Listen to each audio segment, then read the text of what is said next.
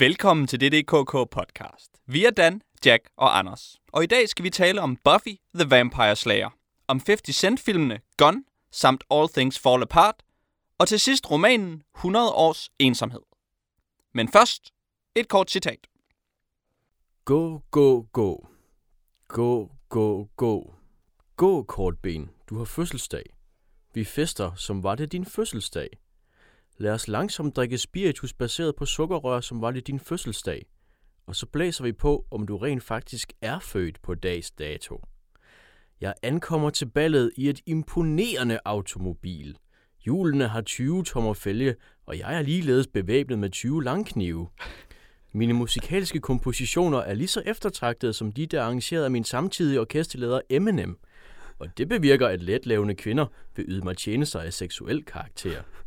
Men intet af ovenstående har ændret mit perspektiv på livets væsentligheder. På sin futon i hjørnet bemærker jeg fløjtenisten Exhibit, som forbereder en opiumspibe. Hvis man bemærker, hvordan jeg gebærder mig, vil man måske forvek- forveksle mig, forveksle mig med en snydepels eller en schuft. Jeg har op til flere men fra dueller, men jeg halter ikke. Alle Karens unge kvinder i giftefærdig alder siger, 50, du er et godt parti. De synes godt om mig, men jeg ønsker brændende at blive lige så respekteret som den afholdte kammermusiker Tupac. Jeg er yderst fokuseret og tænker kun på finanser. Jeg har indgået en gramofonpladekontrakt til en million pund men det er ikke nok for mig. Se, afrikansk-amerikanske lige mand. Jeg har flyttet ud fra fattigården, tjener til livet og vejen på en stændig vis, og husker immer væk mit ophav. Og det burde indgyde respekt, langt mere end afsky. Hvorfor er du vred, min afrikansk-amerikanske ven? Jeg vil have formodet, at du vil glædes på mine vegne. Jeg er den laps, der sidder og skåler for alle livets herligheder. Du er den bekræftede ungkal, som prøver at krænke mig.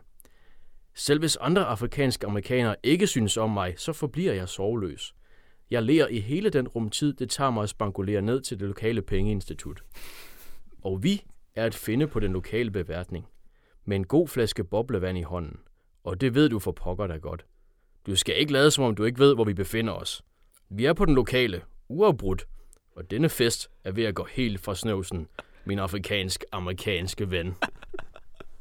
Wow. Det var et øh, flot citat, Dan. Jo, tak. Direkte oversat. Øhm, meget øhm, renset for, øh, Oversat til egentlig tale. ja, meget renset for, for fornærmende øh, øh, ting og sager, Ting og sager. kan man sige. Og du øh, citerede, jeg gætter på, at du citerede 50 Cent. Det gjorde jeg nemlig med In Dark Club. Det var jo øh, 50 Cent, og det er jo øh, introen til vores øh, 99. 20. podcast. Vores øh, sidste podcast, der bliver optaget i øh, det her studie, som vi befinder os i lige nu. Ja. Fordi den aller sidste, det bliver, en, øh, det bliver et andet sted. Det skal vi tale om senere. Øhm, temaet for i dag er jo 100, og det er det, fordi at det ville være vildt plat, hvis temaet for afsnit 100 var 100. Det kan man ikke. Det, altså, det vil, det vil være for banalt. Ja. Øhm, så derfor så valgte vi at øh, lave episode 99's tema til at være 100, fordi det er jo faktisk lidt opfindsomt og pudsigt, og Det- slet ikke banalt. Det synes jeg sagtens, man kan sige. Ja. Øhm, og derfor så øh, skal vi øh, så skal vi tale om episode 100 af Buffy the Vampire Slayer, også kendt som episode 22 i sæson 5. Ja. The Gift. Så skal vi tale om to film af 50 Cent, og det forklarer jo sig selv, hvorfor det er et fantastisk match til den her, Ja. den her episode. Og så øh, slutter vi af med øh, den ikke så korte roman 100 års ensomhed. og vi prøver at kringe alt det her ind i en enkelt podcast, plus en øh, ordentlig håndfuld øh, lytterpost, som vi også skal have tid. Så hold godt fast. Hold godt fast. Hold godt fast. Det tager 100 timer. Det gør det. Nej, øh, vi, øh, vi, vi prøver at gøre det, øh, som vi plejer. Øhm, inden det, så skal jeg lige huske at reklamere for vores episode 100. Den kommer til at foregå om øh, cirka 10 dage, når den her podcast øh, udkommer. Fordi vi udkommer den 4. Ja. med denne her, så det er i dag den 4. juni. Og det betyder, at øh, episode 100 optages live den øh, 14. juni. Lørdag den 14. lørdag den 14. juni. Øh, og man kan finde information om det på øh, vores øh, hjemmeside og på øh, Facebook. Og øh, så, kan man, øh, så skal man skynde sig og skrive til at sige, at man gerne vil komme, fordi der både er en fed fest og en fed podcast, som man kan komme til at opleve. Og en masse spændende mennesker. Så det Ja. bliver et uh, super godt arrangement, og vi håber, at uh, alle, der lytter til den her podcast, uh, i hvert fald er interesseret, og at mange af jer også vil dukke op. Øhm, men nu skal vi tale om, øh, hvad vi har lavet siden sidst. Og der skal vi starte med at høre dig, Jack. Jeg har spillet Thief 2 The Metal Age, som jeg jo fik i, man kan vel godt kalde det konfirmationsgave, af en af vores lyttere, Christian Bagnvig, der havde gennemført Dungeon Crawl Stunts første gang. Så øh, tænkte han, at nu var jeg klar til at spille Thief 2 The Metal Age. Metal Age. Øh, og det har jeg så gjort. Uh, Thief 2 The Metal Age, det er et øh, skydespil, skrådstræk snigespil, fra en gang i, jeg ved faktisk ikke, hvornår det er fra. Det Oh. føles som 90'erne. 98, er det ikke det? 98. Det er mit bud. Det lyder meget rigtigt. Og dømme efter den arm, som man løfter, når man skal slå folk ned med en kølle bagfra. Øhm, det blev jeg så præsenteret som et svært spil, men jeg havde også på fornemmelsen, at de her Thief-spil, det var snigespil, som jeg jo før har udtrykt mig lidet flatterende om. Men det viser sig faktisk at være et ret godt snigespil. Al den stund, at snigeriet det sådan mest går ud på, at man sidder i sådan et hjørne, og så løber man bare pludselig helt vildt hen mod folk, der har ryggen til en, og så slår man dem ned med sin kølle. Gerne mens man skriger hele vejen, og de opdager ingenting.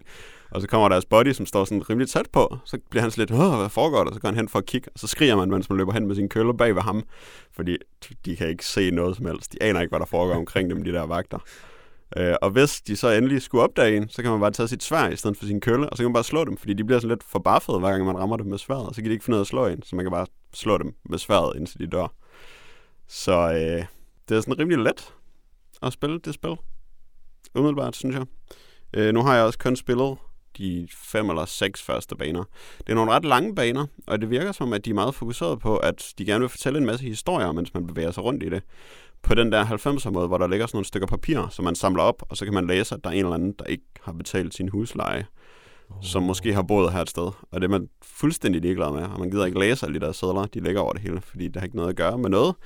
Det, der har noget med noget at gøre, er, at ham, man spiller i spillet, han vil bare gerne have penge. Og det er vildt fedt, at alle cutscenes, jeg har set indtil videre, de handler bare om, at enten så er der en, der har øh, sagt, at der er et sted, hvor der er en masse penge, han kan løbe ind og stjæle, eller også så skal han betale sin husleje, og så er nødt til at bryde ind et sted og stjæle en masse penge. Eller også så øh, er der sådan en politibetjent, som man skal drille, men der er også lige en masse penge, som man skal stjæle. Så alting, det handler bare om at stjæle penge, hvilket er en virkelig dejlig baggrundshistorie. Jeg har på fornemmelsen, at nu begynder der at komme sådan lidt noget mærkeligt noget med nogle profetier og noget mærkeligt frøvl, som ikke handler om penge, hvilket er lidt irriterende. Øhm, og så er det nogle meget store baner, som sagt. De er sådan lidt 90'er-agtige med, at der er virkelig mange kasser, der står over det hele. Øh, og der er virkelig mange secrets, som går ud på, at man sådan skal kravle ind under trappen, og så ligger der en dims dernede, og så har man fundet en secret, eller kravle op på nogle kasser og ned bag ved kasserne. Øh, og det kan man bruge utrolig lang tid på. Øh, fordi banen den slutter ikke sådan rigtig... Tit så skal man tilbage til et sted, hvor man ligesom skal ud efter at have stjålet det, som er nødvendigt. Og nogle gange så skal man lige tage et aftryk af en nøgle og løbe rundt og gemme den, og så lægge nøglen tilbage og slippe ud med den, og så stjæle en bestemt mængde guld undervejs. Men man kan så også bruge rigtig lang tid på at løbe rundt og lede efter alt guldet, man bare gerne vil stjæle det hele. Men man skal ikke rigtig bruge guldet til noget, fordi man finder så meget af pile og vandpile og mospile og støjpile, mens man løber rundt og leder, øh, at man behøver aldrig købe dem. Og øh, eftersom man aldrig behøver at tabe en slås, kan man ikke quicksave, hvilket gør det umuligt at gøre et spil svært. Så hvis man taber en slåskamp, så quickloader man bare, og så prøver man igen. Så man har heller ikke brug for healing potions. Så man har ikke brug for nogen af pengene. Øh, og så føler man sig nogle gange lidt snydt, når man løber rundt i 100 timer og bare kigger alting igennem for at læse en seddel om, at der er en eller anden, som har tabt sin yndlingsbaseret stok, da han var ude at spacere, og nu er den væk, og det er han rimelig trist over. Og så hans ven, der skriver på et mærkeligt arkaisk engelsk, han siger, at ah, det er også træls, at din stok er væk, men måske kan du købe en ny. Jeg har hørt, at det er et stemningsfyldt. Det er det, når øh, hovedpersonen laver voiceovers til de der cutscenes indimellem. Han har, han har, han har sådan en god 20-knægt. Men der er ikke sådan en atmosfære i øh, den by, man bevæger sig rundt i. Jamen, det, er- nej, men det synes jeg ikke rigtigt, der er. Men det er jo også svært i 98, fordi alting er kasser med virkelig mærkelige textures, mm. og sådan nogle skøre mennesker med alt for brede skuldre, fordi de ikke har pixels eller vertexer nok til at lave fed grafik. Øhm, Ja men altså, der er en, en god fornemmelse af, at der er sådan en verden omkring en, med folk, der går lidt rundt og sløder. Jeg, jeg er ret imponeret over at den måde, som vagterne går rundt og taler med hinanden. Og der er tit folk, som står og fører en samtale et eller andet sted i byen, og så kan man lytte til dem. Og det er ret fedt. Og, øh, og banerne er meget ambitiøse. For eksempel den tredje bane, der er man pludselig i sådan en hel by, som man aldrig har været i før, og den er fyldt med vagter, og man skal slippe ud af byen. Øh, men så kan man bare løbe skrigende gennem gaderne indtil man finder det rigtige sted, fordi de kan ikke rigtig ramme en, hvis man bare løber helt vildt. øh, men det er fedt, at der er en hel by, øh, og så skal man pludselig ind i sådan et mærkeligt domkirkekompleks, og det virker sådan helt anderledes. Så skal man bryde i en bank, som er helt anderledes. Så der er en forskellig stemning i alle banerne, hvilket selvfølgelig giver en masse stemning. Men det er bare skrim 90'er grafik. Især den der arm, som han løfter. Så kommer sådan hans albue og lader armen lige ind foran billedet, når man står klar med sin kølle, mens man løber skrine hen mod nogen. Og det var sådan en mærkelig firkantet, forvreden ting med sådan en masse grå og grønne kulører, der er tværet ud over den. Det ser virkelig herrens ud, hvis man kommer til at kigge på sin arm, mens man løber skrine hen for at kølle nogen. Spillet er fra år 2000. Okay. Øh, så det føles rimelig 90's. Men jeg, altså, jeg var meget overrasket over, hvor sjovt jeg havde det med at spille det. Fordi jeg kunne rigtig godt lide, at man bare skulle have en masse guld. Og så var det sådan rimelig let, så det blev man jo ikke sur over. Øhm, der er nogle flere sværhedsgrader i spillet. Jeg har sådan set ikke prøvet expert endnu, øh, men kun hard. Men jeg kunne ikke rigtig mærke forskel på normal og hard. Det virkede lige let. Men man får sådan nogle mål med, at man skal stjæle for eksempel 200 guld mere i løbet af en bane. Øh, og så må man ikke slå nogen ihjel. Så, eller man må kun slå et vist antal ihjel, når man spiller op på hard. Så det er en fed måde at justere sværhedsgraden på, mm, at de indfører sådan nogle regler for, hvordan man skal spille. At det er kun amatører, der behøver at slå folk ihjel. Skal man være en badass tyv. Men man kan bare slå dem med køllen, fordi de er bevidstløse for evigt, hvis man først har ramt dem med køllen en gang. Det er vel sådan, køller virker. Det, det virker i hvert fald rigtig godt, når køller virker på den måde. ja. Så er det fedt, at du bekræfter, at øh, det bedste plot, det er nu bare, hvis man enten er øh, helt vildt grisk eller helt vildt sulten. Ja. Eller et eller andet meget, meget basalt, som Eller man bare man kan... kombinerer det. Og man, der, og, og man kan blive ved med at fylde på, ikke?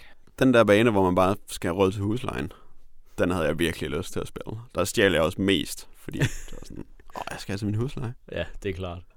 Men det er et godt spil, og det er ret imponerende. Øh, selvom man sådan umiddelbart tænker, åh, det er godt nok 90'er grafik, og det ser ringe ud, og det er sikkert et snigespil. Det er, altså, det, det er lidt plat med AI'en, med at den er så nem at outwitte. Men det er, der er rigtig meget godt i spillet også. Ja, man skal jo have det spillet. Jeg er glad for, at jeg har spillet det. Måske vil jeg endda gennemføre det. Det er sådan lidt hyggeligt, hvis man lige vil have nogle penge. Men det bliver også lidt kedeligt i længden, fordi det er ikke så svært. Okay. Nå, Dan, hvad har du lavet? Jeg har set en øh, BBC-serie fra øh, 78. Det hedder Connections. Og det er øh, med, hvad hedder det, øh, en vært, der hedder James Burke, som er sådan en, en science historian, tror jeg, han, han kalder sig. Øhm, og det er en, øh, en, en, ja, en slags dokumentarserie, kan man måske næsten kalde det, hvor han øh, starter med en, øh, en opfindelse fra middelalderen måske, som for eksempel stigbøjler, og så sporer han så den opfindelse op til nutiden, og ser, hvad den har ført til, for eksempel moderne telekommunikation, som han gør med stigbøjlen. Og øh, altså, det, ja, ja, altså, han ser selvfølgelig, hvad der foranstalter, at man kan opfinde til sidst telekommunikation, så det er ikke, altså det er ikke sådan helt, det er ikke fri fantasi, det var sådan en, en, et alternativt syn på, hvordan udviklingen har, øh, har fundet sted. Og det er, øh, det er virkelig charmerende. Det er virkelig sjovt at se sådan en rigtig 70'er britte øh, stå øh, og fortælle et eller andet om en, en plov, og så skal han så stå og prøve at pløje, pløje imens på en mark med sådan en hest. Og så sådan fortæller han selvfølgelig, at de gamle dage var det selvfølgelig okser, og så står han bare helt forpustet og sådan noget. Øhm, eller hvis han står ved pyramiderne og fortæller et eller andet om, om dem, og der er selvfølgelig et afsnit, der, der ender med atombomben, som er helt vildt sådan højspændt og operaagtigt nærmest, og, øh, og det er nogle, øh, ja, det er nogle rigtig spændende og rigtig sådan hyggelige ting, han egentlig fortæller om, og øh, der, øh, ja, altså, der er bare mange, mange forskellige opfindelser, man ikke nødvendigvis ville kende fra renaissancen, sådan nogle mærkelige vakuumrør og sådan nogle ting, der man ikke aner, hvad det skulle bruges til, og der også er blevet opfundet ved et tilfælde, men så fører de så til et eller andet andet, der, øh, der så igen er brugbart. Og øh, det, er bare, øh, det, det er fedt at få et overblik over de her opfindelser fra, fra fortiden, der har ført til et eller andet, øh, vi bruger måske hver dag i, i, i nutiden. Mm, det lyder meget øh, public service-agtigt i hvert fald. Ja. Som en øh, interessant vinkel Ja. til at lære dig en masse. Det er rigtigt. Jamen, det, det er sådan lidt det. Det er sådan lidt public service-agtigt, faktisk. Hvad er du så, øh, hvad, hvad, hvad lærer man så? Hvad for nogle øh, store erkendelser har du? Hvor kommer atombomben fra? Øhm, plov? ja. Nu, jeg, jeg husker ikke præcis, hvor atombomben kommer fra. Øhm, Også fra Steve Boiler. Det er stigbøjler, det er stigbøjler. Ja, Ej, det er kun, det er kun moderne telekommunikation, der kommer fra det. Men øhm, der var en... Øh, jo, var det atombomben faktisk? Jeg tror, at det afsnit, der, øh, der hedder Death in the Morning, eller et eller andet øh, lignende dramatisk. Det handler om atombomben. Det starter med, at han øh, står et sted langs Nilen og finder sådan en eller anden øh, speciel slags sten, som når han knupper ædelmetaller på den, så afgiver de et, øh, altså så bliver, de mærke, så bliver stenen mærket af det, og så på den måde, så kan man så, så har man et grundlag for at øh, bekræfte, at der er noget, der er et ædelmetal, og det fører så til penge, og det fører så til noget andet, bla bla bla. Atombomben. Bam. ja. Så fik man penge, så havde man råd til at købe en atombombe. Ja, Jamen, det er det. Lige lidt flere led, selvfølgelig, men... Øh, og så er der også altså nogle af opfindelserne, hvor han siger, at nu kan vi gå den her vej og den her vej, men nu vælger de så at gå ind, altså en, en bestemt vej for at vise et eller andet bestemt i nutiden. Så øh, det, man, man får lyst til at vide alt muligt om skøre opfindelser fra fortiden, fordi at, øh, det, virker, det virker vildt fedt, hvad folk de har opfundet af, af tossede ting. Bliver man, som man nogle gange gør af populær videnskab, øh, nogle gange irriteret over, hvor overfladisk det er, eller sådan noget, som bare virker som dårlige fejlslutninger i deres Mhm. tankegang. Nej, det, det synes jeg ikke, fordi det er jo, altså i og med, at de, programmet ligger så åbent og siger, at det her det er, altså det er et alternativt syn på udviklingen, og der kan ske det, og nu kan vi gå den vej og den vej. Altså så er de sådan meget åbne omkring, at altså, de er meget bevidste om deres valg, og jeg synes, de fortæller publikum, at det er det her, vi gør i programmet. Men altså, der er også andre muligheder, og altså, øh, ja, vakuumrøret kunne lede til andre ting, end det vi valgte at gøre, men altså nu, nu har vi lige valgt at gå den her vej. Øh, så jeg synes ikke, at det er, øh, jeg, jeg synes ikke, det er sådan, at, øh, hey, vidste du at, og så får man en kvart sandhed ud af det. Altså, det er sådan mere, det er sådan mere åbent. Øh, og så han, ja, det ved jeg ikke, han er bare en, en sød mand, ham der James Burke. Hans trompetbukser og hans dårlige øh, lange hår og sådan noget, altså. Der er et eller andet øh, charmerende over ham. Ja, det er jo 70'er tv. Ja, jamen, det er det. I allerhøjeste grad. Så ved man vel, hvad man får. Hvor Ja. mange afsnit er der? At der er omkring 10 stykker i, i den første serie. Så tror jeg, at Connections det kom igen i 90'erne faktisk. Men den første er, er så fra, fra 1978. Det er nogle øh, spøjse ting, du, øh, du hører frem ind imellem den. Have. Jeg, jeg, jeg er en slags øh, nutidens James Burke. Ja. Um, jeg har øh, hørt en lydbog, der hedder Let's Explore Diabetes with Owls, um, som er øh, skrevet af David Sedaris, som er en øh, forfatter, journalist, komiker, um, som, øh, som jeg faktisk stødte på gennem et radioprogram, som du havde anbefalet mig, Jack. Uh, og så, øh, og så øh, tænkte jeg, at jeg ville, øh, jeg hørte ham her, Sedaris, som et, i et segment af det her radioprogram, der hedder This American Life, hvor han rendte rundt ned i Paris og var utrolig sær øhm, og utrolig neurotisk og sådan øh, Mm. Woody Allen-agtig øhm, på sådan en eller anden lidt mere flamboyant måde. Og så, øh, og så synes jeg, han lød utrolig spændende, og så øh, fandt jeg en lydbog med ham, som det viser at han også selv læste op. Og det var helt perfekt, fordi han har sådan en rigtig sej stemme, sådan en rigtig øh, lille, sådan pivende, ynkelig stemme, men så er han sådan kommet op i årene nu, og blevet sådan, jeg ved ikke, en 50 år eller sådan noget, så den her ynkelige stemme, den, er også sådan, den har fået lidt karakter på samme tid. og det lyder, det lyder rigtig fedt, når han brokker sig over ting. Øhm, og så er det ellers en masse forskellige essays, som han læser op, og øh, sådan meget selvbiografiske og meget øh, selvudleverende essays og øh, sketches, som han, øh, som han læser omkring alt muligt. Øhm, og han er meget den her, den her verdensmand, som forlod USA i en øh, forholdsvis relativt ung alder og flyttede til Paris, og så flyttede til London, og så, eller et eller andet sted i England. Og så rejser ellers rundt i verden og oplever ting, og så som, en, som forfattere nu gør, fordi de hele tiden skal til book tours og book signings. Mm. Og, så, øh, og så støder han på historier, og så er han rigtig god til at genfortælle de her pussy historier. Hvad kunne et eksempel på en pussy historie være? Jamen, det er jo sådan set ikke selve plottet. Øhm, det er mere bare hans take på et eller andet. Altså, det kunne være, at han går forbi et museum, og så er han ligeglad med det. Og så kan han tale i 20 minutter omkring, hvor ligeglad han er med det her museum. Og så, kan han, øh, så er han god til at huske detaljer. Bare sådan, hvad han havde på, og hvad der lige skete, og så en eller anden, der gik forbi ham. Og så tager hans historie en drejning omkring, hvor ligeglad han er med det her museum, til, ligesom, til pludselig at tale om den person, der lige gik forbi, og et eller andet, de sagde. Uh, og så kan han blive utrolig uh, sådan indadvendt og bange for, at folk pludselig taler med ham, eller at han pludselig skal gøre noget pinligt, eller andre folk pludselig skal gøre noget, uh, noget vulgært eller et eller andet. Og så, så rutscher man bare rundt i hans sådan mærkelige, uh, ja, hans mærkelige sind. Og det er sådan set, uh, og hans mærkelige hukommelse. det er ret sjovt. Det, ja, det lyder som, der er nogle Woody Allen-elementer i hvert fald i ham. Uh, men det er sådan en let underholdning, og det er ikke, uh, altså fordi alle de her sketches, de stopper, og så kommer der en ny, så det er lidt ligesom sådan at sidde og spise en pose chips. ja, og sidde og spise chips, og så pludselig har man spist en pose chips. Det lyder også som om, det er ret repræsentativt, det han laver i This American Life. Jamen, jeg har kun hørt et, øh, en, af, en af de ting, han har deltaget i. Okay, fordi han er virkelig tit med og fortæller os nogle historier, der lyder lidt ligesom det der. Ja. Ja. Uh, let's explore diabetes with ours. Det er garanteret punchlinen til en historie, som han fortæller i løbet af bogen. Jeg tror faktisk, det er introen til den første historie. Okay. Så siger han det, og så kører han ellers ud af. Jeg begynder at tale om tandlæger. Så ikke så mange øh, uler, som man måske håber på. Nej, det vil jeg ikke sige. Det er ikke, øh, det er ikke et tema, hvis man er en kæmpe ulefan. Ja. Um, Eller et kæmpe diabetes-fan. han har sådan et, et, et vildt sjovt forhold til sin far, som er, virker som sådan en kæmpe idiot hele tiden. Um, og det er, ret, det er sådan en af de tilbagevendende ting, at der er noget med det, og, og hans forhold til sin kæreste. Men ja, det var øh, noget, som jeg måske vil læse eller høre lidt mere af. Det er ret fedt, når øh, forfatter læser deres egen bøger op, og har en fed stemme. Så det kan godt være, at jeg bare vil blive ved med at gå efter lydbøgerne. Ja, det er rigtig fedt. Det sker lidt for sjældent. Mm. Eller det ved jeg ikke. Der er sikkert nogle forfattere, som er virkelig dårlige til at læse deres bøger op. Men han er i hvert fald god til det. Men han optræder jo også meget med sådan noget stand-up show. Ja. Aktivt noget, hvor han står på en scene for en masse mennesker. Ja, der er et par af de sketches, eller de kapitler i øh, lydbogen, hvor, at han, øh, hvor der er et publikum. Og Ja. det er ikke særlig fedt, fordi så er der sådan, så bliver det lidt laveste fællesnævner. Og sådan, sige et eller andet frækt, og så griner alle. Det er for nemt. Det er det sgu. Så Det, bliver- det gør vi ikke. Så bliver Anders sur. Ja. Ingen Uh. billige tricks Nej. i min lydbog. Det skal være tungt og kedeligt. Ja, det er sådan, vi kan lide det. Det bliver det i hvert fald senere i dag. Men øh, Jack, inden vi skal bevæge os mod, mod slutningen øh, og midten og starten, øh, har du lavet mere siden sidst?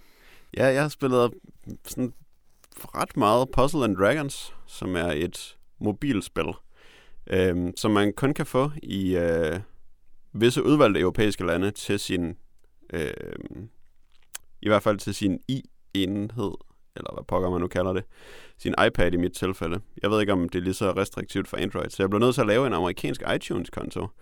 Øh, og det er ikke så svært, som man skulle tro, så jeg fortæller lige folk, hvordan man gør det, fordi man kan få brug for det. Og Ja, jeg gjorde det på en rimelig åndssvag måde, hvor øh, jeg fik nogle dårlige oplysninger, og så endte jeg med at skulle købe et gavekort til den amerikanske iTunes, fordi det var nødvendigt for at lave en konto. Det viser overhovedet ikke at være nødvendigt.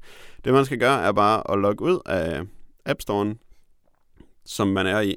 Øhm, og så skal man gå ind i den og købe noget, øh, finde en gratis app, og sige, at man gerne vil købe den, mens man er logget ud.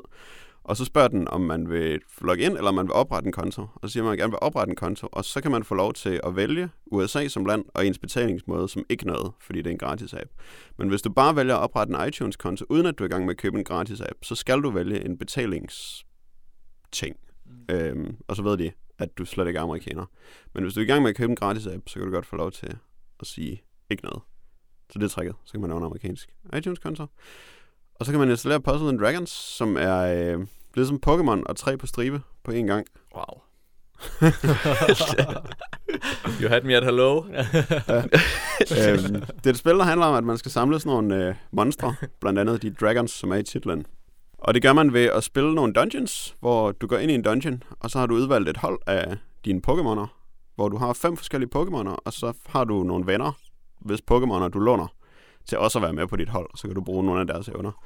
Øhm, og så er der fem forskellige farver af juveler eller bejeweled, og så nogle hjerter, og så er der fem forskellige farver Pokémoner, og så giver de skade, når man så laver tre eller flere på stribe med det. Det er lidt anderledes tre på stribe, fordi når du tager fat i en juvel, så kan du trække den så langt du vil, så du kan lave sådan nogle kæder, hvor du bytter rundt og laver en, så kører du rundt, rundt, rundt, og så laver du alle bliver så legnet op til at eksplodere og give skade, hvis du går nok, men det har man selvfølgelig kun en begrænset tid til. Så på den måde kan man godt bruge virkelig lang tid på at sidde og kigge på alle de juveler, der ligger der, og så finde den helt perfekte rute igennem. Men så glemmer man altså højde for noget, og så fucker man det hele op, og så bliver man tæsket af de andre monstre og smidt ud af dungeon, og så får man ingenting. Men hvis man gennemfører dungeon, så får man... Øh...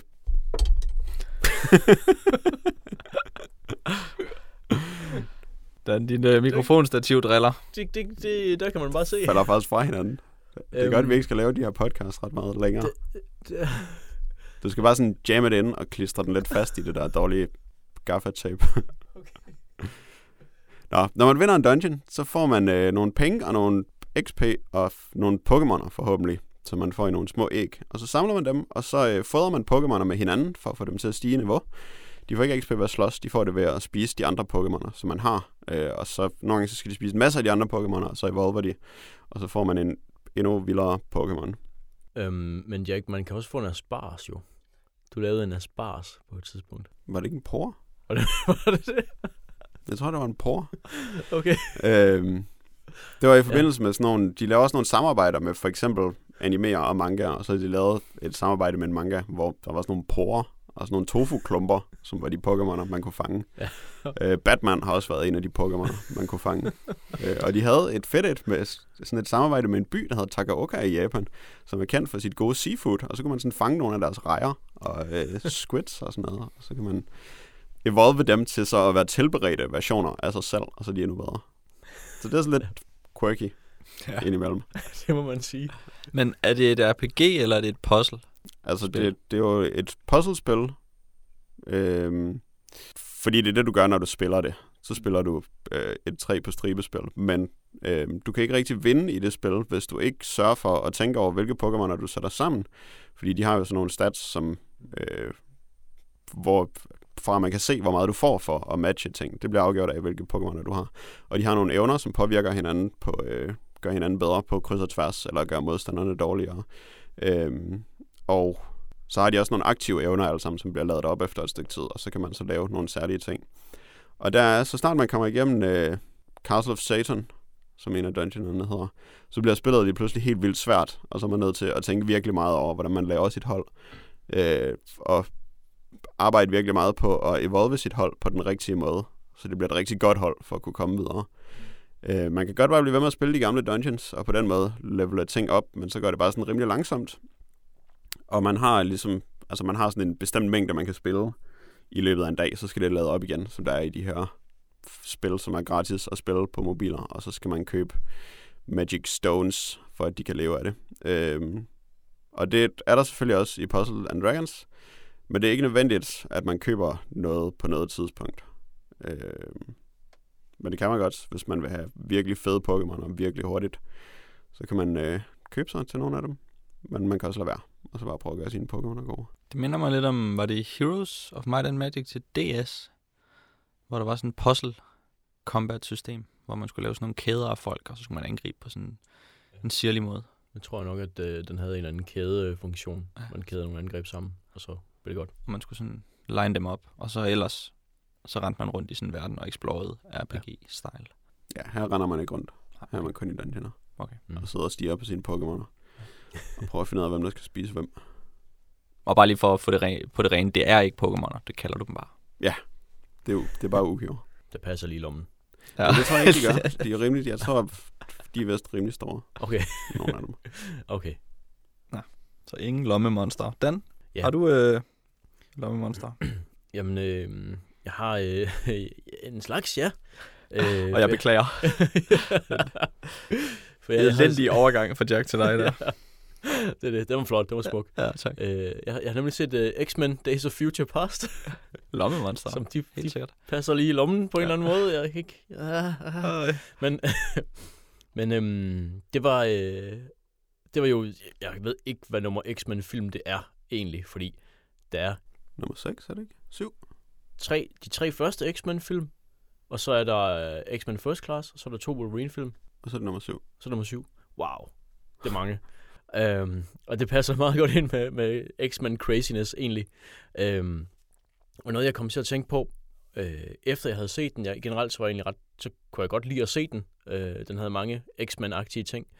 Øhm, noget, jeg kom til at tænke på, som jeg øh, endte med at blive ret glad for ved den, det var, at den endte positivt, og den stolede på, at de onde måske ikke var så onde, og så var de faktisk ikke helt så onde måske. Det lyder Så- fantastisk, det der. Ja, jamen det, nå, men altså, det, der var en eller anden form for optimisme i dem, som jeg, som jeg rigtig godt kunne lide, og som jeg synes, der, hvis jeg sammenligner den med øh, for eksempel Man of Steel, manglede fuldstændig i den. Øhm, Altså, du tænker ofte, så ved skurke godt, at det kommer til at gå galt til sidst, for det gør det altid. jamen, Og så er det rart, at de faktisk er lidt optimistiske omkring deres plan. Nej, altså, øh, jeg, jeg tænker, øh, su- superheltemæssigt, så er der sådan en, en, altså der er de her mørke 90'er, hvor alting skal være så mørkt og ondt, og ingen af, af, superheltene var, altså gad at være der, og de havde alle sammen knive og skyder og sådan nogle ting, og det var noget værd noget. øh, og sad og, og led og, og havde deres kæreste var, var død og proppet ind i et køleskab, og jeg ved ikke hvad. Altså en masse forfærdelige ting, der skete for dem. Det gik dem så ilde, så ilde. Øhm, og det, det er noget, som jeg, jeg føler, at jeg også ser i, i øh, en superheltefilm som Man of Steel. Øh, altså den sidste nye Superman-film, der kom sidste sommer, så vidt jeg husker. Øh, hvor han så ender med, jeg ved ikke om jeg må spoil den, den er et år gammel cirka, jeg må godt spoil den. Hvis man ikke har set Man of Steel, så kan man lige lukke ørerne Altså, der sker ikke rigtig noget, som kommer bag på en i den Nej. der. Øh, altså, der sker, jo, der sker jo det der med, at Superman dræber General Zod til sidst. Nå ja, det var, det var Ja. dårligt. Ja, det var rimelig, det var rimelig noller. Øh, og, og, det, og, det, og det værste, eller det dummeste, eller hvad man skal sige, noget, noget jeg virkelig ikke kunne lide ved det, det er, at General Zod, han siger, at du er nødt til at dræbe mig for at stoppe mig. Og så Superman, som den, den mand, der kan mest i verden, og altid finder den bedste løsning, hvor alle bliver reddet, han gør bare præcis, hvad skurken siger. og det var bare så super fjollet. Øh, og så i modsætning til det, så er der så sådan i, i X-Men, Days of Future Past, hvor, øh, hvor der selvfølgelig er Magneto, som er en, en, øh, en rigtig bølle nogle gange, øh, der, øh, der laver nogle rigtig bøllede ting, og øh, hvad hedder det, vil dræbe menneskerne, før de dræber ham, fordi det er så ligesom anden verdenskrig og sådan noget. Øhm, men så er det sådan, hvad hedder det, nogen, der investerer noget håb i ham, og så er det så som om, at han måske stadigvæk står til at redde, øh, i stedet for bare at være en led fyr, og det samme med nogle, nogle andre øh, folk i, øh, i filmen der. Det synes jeg bare, det var fedt, at der var et eller andet, der var, altså man kunne, øh, man kunne have en, en superheltefilm, der var øh, storladen og alt det der, øh, uden øh, man var nødt til at brække halsen på, øh, på skurken for, for at overkomme ham. Det, var da, det lyder da meget sympatisk, Dan. Ja. Så du hæppede lidt. Du havde det lidt godt med nogle gode skurke. Ja, det havde jeg faktisk lidt. Du har også set den, Jack, ikke? Det er en X-Men-film. Ja. Det er fedt, fordi den ikke øh, fornægter de andre film i serien. At den ændrer over dem alle sammen, i stedet for bare at være et reboot, fordi jeg havde reboots. Øhm, det kunne jeg godt lide ved den. Det er også meget hyggeligt, at de alle sammen bare bliver enige om, at de hellere må gøre tingene på den flinke måde til sidst. Er, er filmen blevet et, øh, en succes? Sådan inden for de kriterier, som sådan en film nu har. Altså, kan de, kan de blive ved? Nu sagde det, det er film nummer syv. Ja, det er film nummer syv. Men altså, øh, der, der, jeg ved, at der allerede er en, øh, en øh, efterfølger planlagt, eller den næste film er planlagt. Ja. X-Men Apocalypse. Hvis man har læst nogle af tegneserierne, så ved man måske godt, hvem skurken er i den. Apocalypse. okay, nej. Men øh, om det er en succes eller ej, det er måske svært at sige. ja, Det var er endnu ikke, en film, og det, det er meget godt. Altså, vi ved jo ikke, om den har, jeg ved ikke, om den har tjent nogen Nej, penge. jeg har ikke, øh, jeg har ikke tjekket, faktisk. Jeg ved, at den har solgt fem billetter, fordi vi var fem år inde og se den. Oh. Så. Og I var de eneste? Nej. Okay, så 5 plus. Men jeg ved ikke, om de andre har haft fribilletter eller sådan Nej. Nå, eller var hologrammer eller et eller andet. Eller snød sig ind. Ja. Kravlet over hegnet nede bagved. Ja. Og sne sig ind. Det ved vi jo ikke. Godt. Jeg synes, vi skal gå i gang med det første 100 tema-relevante ting, nemlig Buffy the Vampire Slayer. En øh, tv-serie, der startede i 90'erne og sluttede i 0'erne, som Dan vil måske beskrive lidt for os. Ja, Det vil jeg, fordi at øh, for øh, omkring 100 år siden, nemlig i 1964, der blev øh, Joseph Hill Whedon født i New York. Øhm, og han er blevet kaldt den første tredje generations tv-forfatter, fordi både hans far og hans morfar også øh, skrev øh, tv-serier. Øh, for cirka 100 år siden, nemlig i starten af 90'erne, der skrev han manuskriptet til filmen Buffy the Vampire Slayer, som han selv kaldte, syntes var en uhyggelig film om en handlekraftig kvinde, men mens øh, instruk- instruktøren på den her film så den mere som en øh, popkulturel komedie om, hvad folk de tænkte om vampyrer. Det endte så med, at øh, filmen ikke var den store succes, og øh, Whedons øh, manuskript egentlig var, var blevet sådan meget velanset i, øh, i øh, Hollywood, af siger man i hvert fald. Og han var ikke tilfreds med altså filmatiseringen, fordi han synes ikke, at det var det, han havde. Han havde Hollywood er rimelig god til at rose folk. det er rigtigt. Men han var ikke helt tilfreds med det øh, manuskript, øh, undskyld, med filmen. Øh, nogle år senere, øh, der blev øh, Whedon kontaktet af øh, Gail Berman, som havde tv-rettighederne til filmen. Og øh, hende øh, og hendes produktionsselskab, de bad ham om at lave det om til en tv-serie. Øh, og så kom man så op med ideen om, øh, om high school, altså horror movie, som, som man siger. Øh, at det var det, som er grundlaget for serien. Og øh, den idé blev go- øh, godtaget, og øh, for cirka 100 år siden, nemlig 10. marts den 97, der kom første afsnit af Buffy. Øh, den havde syv sæsoner i alt på tv, 144 episoder, og den sluttede i 2003 med en, øh, en meget loyal fanskare. Øh, den har også haft et spin-off, en spin-off-serie, som hedder Angel, som kørte fra 99 til 2004, og et væld af tegneserier og tie-ins, og jeg ved ikke hvad. Øhm, serien, den handler om en teenager, der hedder Buffy Summers, som går på Sunnydale High School, øh, som tilfældigvis befinder sig ovenpå en såkaldt Hellmouth, en helvedesmund, som er en portal til andre verdener. Onde, onde verdener. Øh, heldigvis så er Buffy en, øh, en, en såkaldt slayer, en vampyrdræber, øh, og sådan en bliver født i hver generation, og hendes opgave er at bekæmpe dæmoner og vampyrer og alt det andet fra alle de der Hellmouths, der dukker op. Øhm, til at hjælpe sig, så har hun en Watcher, en, en eller anden overvåger, øh, som er medlem af en hemmelig organisation, der øh, hjælper vampyrdræbere med, hvad de nu skal, altså dræbe vampyrer, eller mest dæmoner, men ja. Øhm, derudover så har hun en masse high school-aktive venner til at hjælpe sig, øh, nemlig en heks, en nørd, en varulv, en vampyr med en sjæl og en magisk lille søster. Og sikkert også flere. Øhm, vi har set episode 100, som, øh, som Anders nævnte i starten. Øh, sidste afsnit af sæson 5 øh, med titlen The Gift, og den er både skrevet og instrueret af Joss Whedon. Øh, bare det, så vi ved, at det er ham, der er ansvarlig for, for den. Øh, jeg ved ikke, om det giver mening, hvis jeg genfortæller, hvad der sker. Ah, det kan vi tage hen ad vejen. Det kan vi så hen ad Det vejen. er ikke så vigtigt, er det? Nej. Jeg vil hellere, øh, jeg vil hellere høre, øh, om det var fedt at bare springe ind i midten af Buffy, og så se episode 100. For I sprang vel ind i midten af Buffy. I så vel ikke alt op til. Skulle vi ikke se 100 afsnit? jeg synes, det var fedt at springe ind i midten af det. Bedre end at se en masse afsnit af Buffy i hvert fald. Så jeg blev ret træt af at se en masse af dem, men det var hyggeligt og 90'er-agtigt. Bare sådan lige at springe ind og så se et afsnit, og så var de rimelig fjollede alle sammen. Og man vidste ikke rigtig, hvad der foregik, men der foregik bare det samme, som der altid foregik, hvilket de også snakkede en del om i afsnittet. Så det var ikke, det var ikke så svært at forstå det. Og så var det ret sjovt. Der var mange gode vitser. Og, der var, og personerne er sådan nogle lovable losers. Så det er nemt at grine af dem, når de er åndssvage. Det starter utrolig fedt, afsnittet. Med Buffy, der lige sådan er ude i... Hun er lige ude at gå i gyden bagved der, hvor de er. Ja. Og så er der tilfældigvis lige en øh, uskyldig mand eller dreng, der er ved at blive overfaldet af en øh, frygtindgydende vampyr. Og det var, så er hun heldigvis lige en slager, og så Ja. går hun bare lige lidt rundt.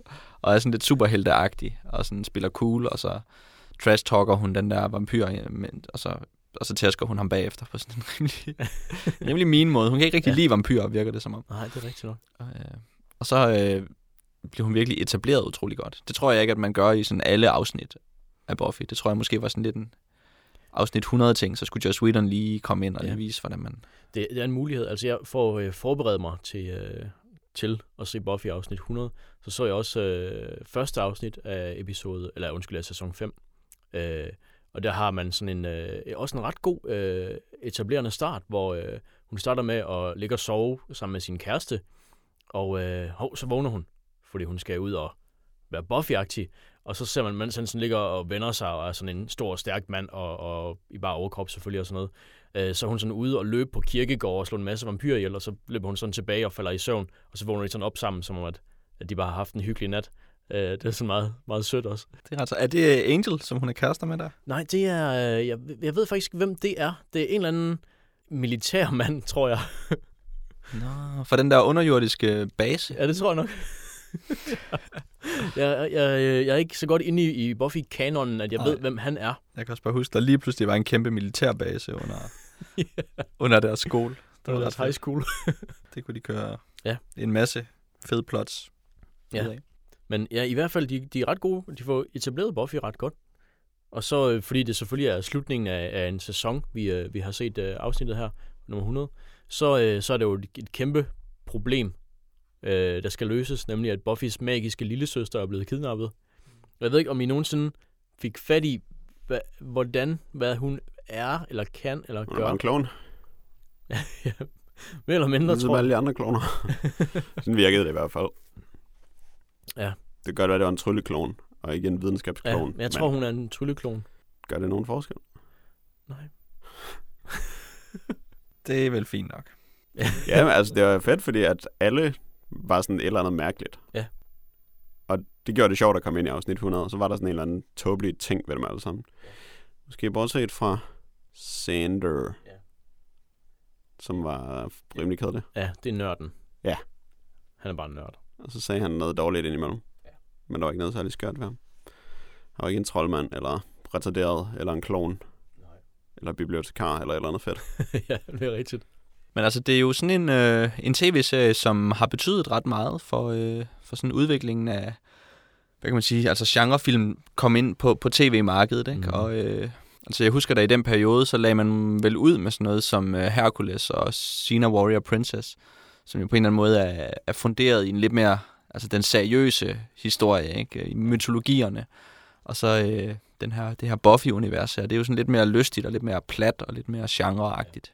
Lidt mere pulpagtigt. Ja, eller det er udgangspunktet i hvert fald, for jeg tror, at mit indtryk er, uden at have set Hercules eller Sina som sådan, så mit indtryk er, at de er lige så polpet i deres udførelse, som, som Buffy er, selvom de måske har en, et, et mytisk øh, grundlag. Mm. Men altså, den her tør være lidt mere nørdet på et tidspunkt, hvor det jo ikke var, det var ikke lige så sejt at være nørd i, øh, i 97, som det var i 2007. Det er rigtigt.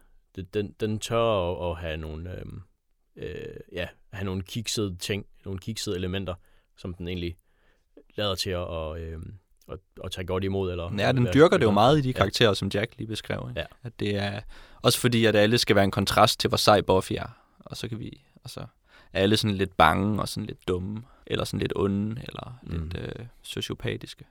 Og så er Buffy bare perfekt. Men jeg kunne ikke helt regne ud, om Buffy nogensinde var noget, man skulle tage alvorligt. Altså, man sådan skulle frygte på personernes vegne og sådan noget. Fordi det virkede så fjollet. Og så øh, Hercules-agtigt. For eksempel den der hammer, som hun har. Troldekongen Olafs hammer, som er sådan virkelig fjollet papmaché-hammer, som hun hele tiden løber rundt med. Ja. Og det virker lidt som om serien heller ikke tager den der hammer alvorligt, men også sådan griner af det. Ja. Så jeg ved ikke, om der nogensinde er noget, der er blevet taget alvorligt i løbet af hele Buffys historie. Det Var er det svært at meningen, at sige. Altså, altså de, de psykologiske aspekter af, af, hvor hårdt det er at være Buffy, tror jeg, den tager meget alvorligt. Ja. Det, det tror jeg, det er rigtigt nok, at det er mere, den, det, det er mere følelserne, der er det alvorlige. Og Nu så jeg tilfældigvis afsnit øh, 99, Oj. for at forberede mig Ja. til, til den her Sådan. podcast. Og der er Buffy øh, fanget i sådan et uh, guilt trip, hvor hun føler sig skyldig over øh, må- måske at svigte nogen senere i livet. Og så ja. bliver hun paralyseret, og så sidder hun helt stille og, og vil ikke hjælpe dem eller gør ikke noget. Og så er Willow nødt til at, øh, at flyve ind i, i, i hendes sind, og så overvære, hvordan Buffy hun føler sig skyldig. Og så bruger de hele episoden på det. Det er virkelig kedeligt. ja. ja, det lyder måske som, et, øh, Virkelig. som lidt en filler. Men, Ja, virkelig et heavy afsnit, hvor der ikke sker Ja. en skid, og de alle sammen... Altså, spændingen stiger selvfølgelig, fordi Buffy bliver ved med at være paralyseret, og Ja. de skal jo bruge hende til at redde verden. klart. Men, øh, men hun føler sig skyldig, Ja. ja. eller, øh, eller er bange for at gøre noget forkert. Men psykologien fungerer heller ikke særlig godt i afsnit 100, synes jeg. Når Nej, man skal jeg- forholde sig til, at hun har det dårligt over, at hendes søster er blevet kidnappet, eller at nogen vil dræbe hende. Sådan i det hele taget, at de skal forholde sig til, at verden måske går under lige om lidt. Det virker Ja. overhovedet ikke truende eller relevant for noget som helst. Og man, man er rimelig sikker på, at de klarer det.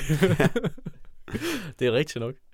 Det kan jeg Men jeg, jeg ved heller ikke helt, om Sarah Michelle Gellar måske er en rimelig dårlig skuespiller, Nej, det er hende, svært. spiller Buffy. Ja. Fordi Nej, jeg er heller ikke klar over det egentlig.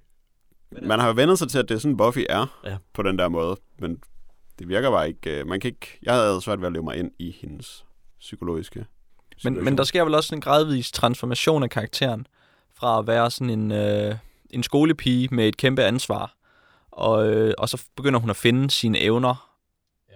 og er stadig den her skolepige indimellem, så hun sådan hopper lidt mellem at være sådan en Clark Kent og være en supermand, ja. indtil at hun til sidst bare bliver fanget i den her helterolle, Så og er så- hun The Slayer. og så skulle hun bare være The Woman of Steel på en eller anden Ja. måde, og så bare... Og så har man castet Sarah Michelle Gellar til at gøre det, og det bliver måske lidt sjovt. Ja. Men hun skal jo også leve et, øh, et spændende teenagerliv på samme tid. De virker også helt vildt gamle til at være teenager.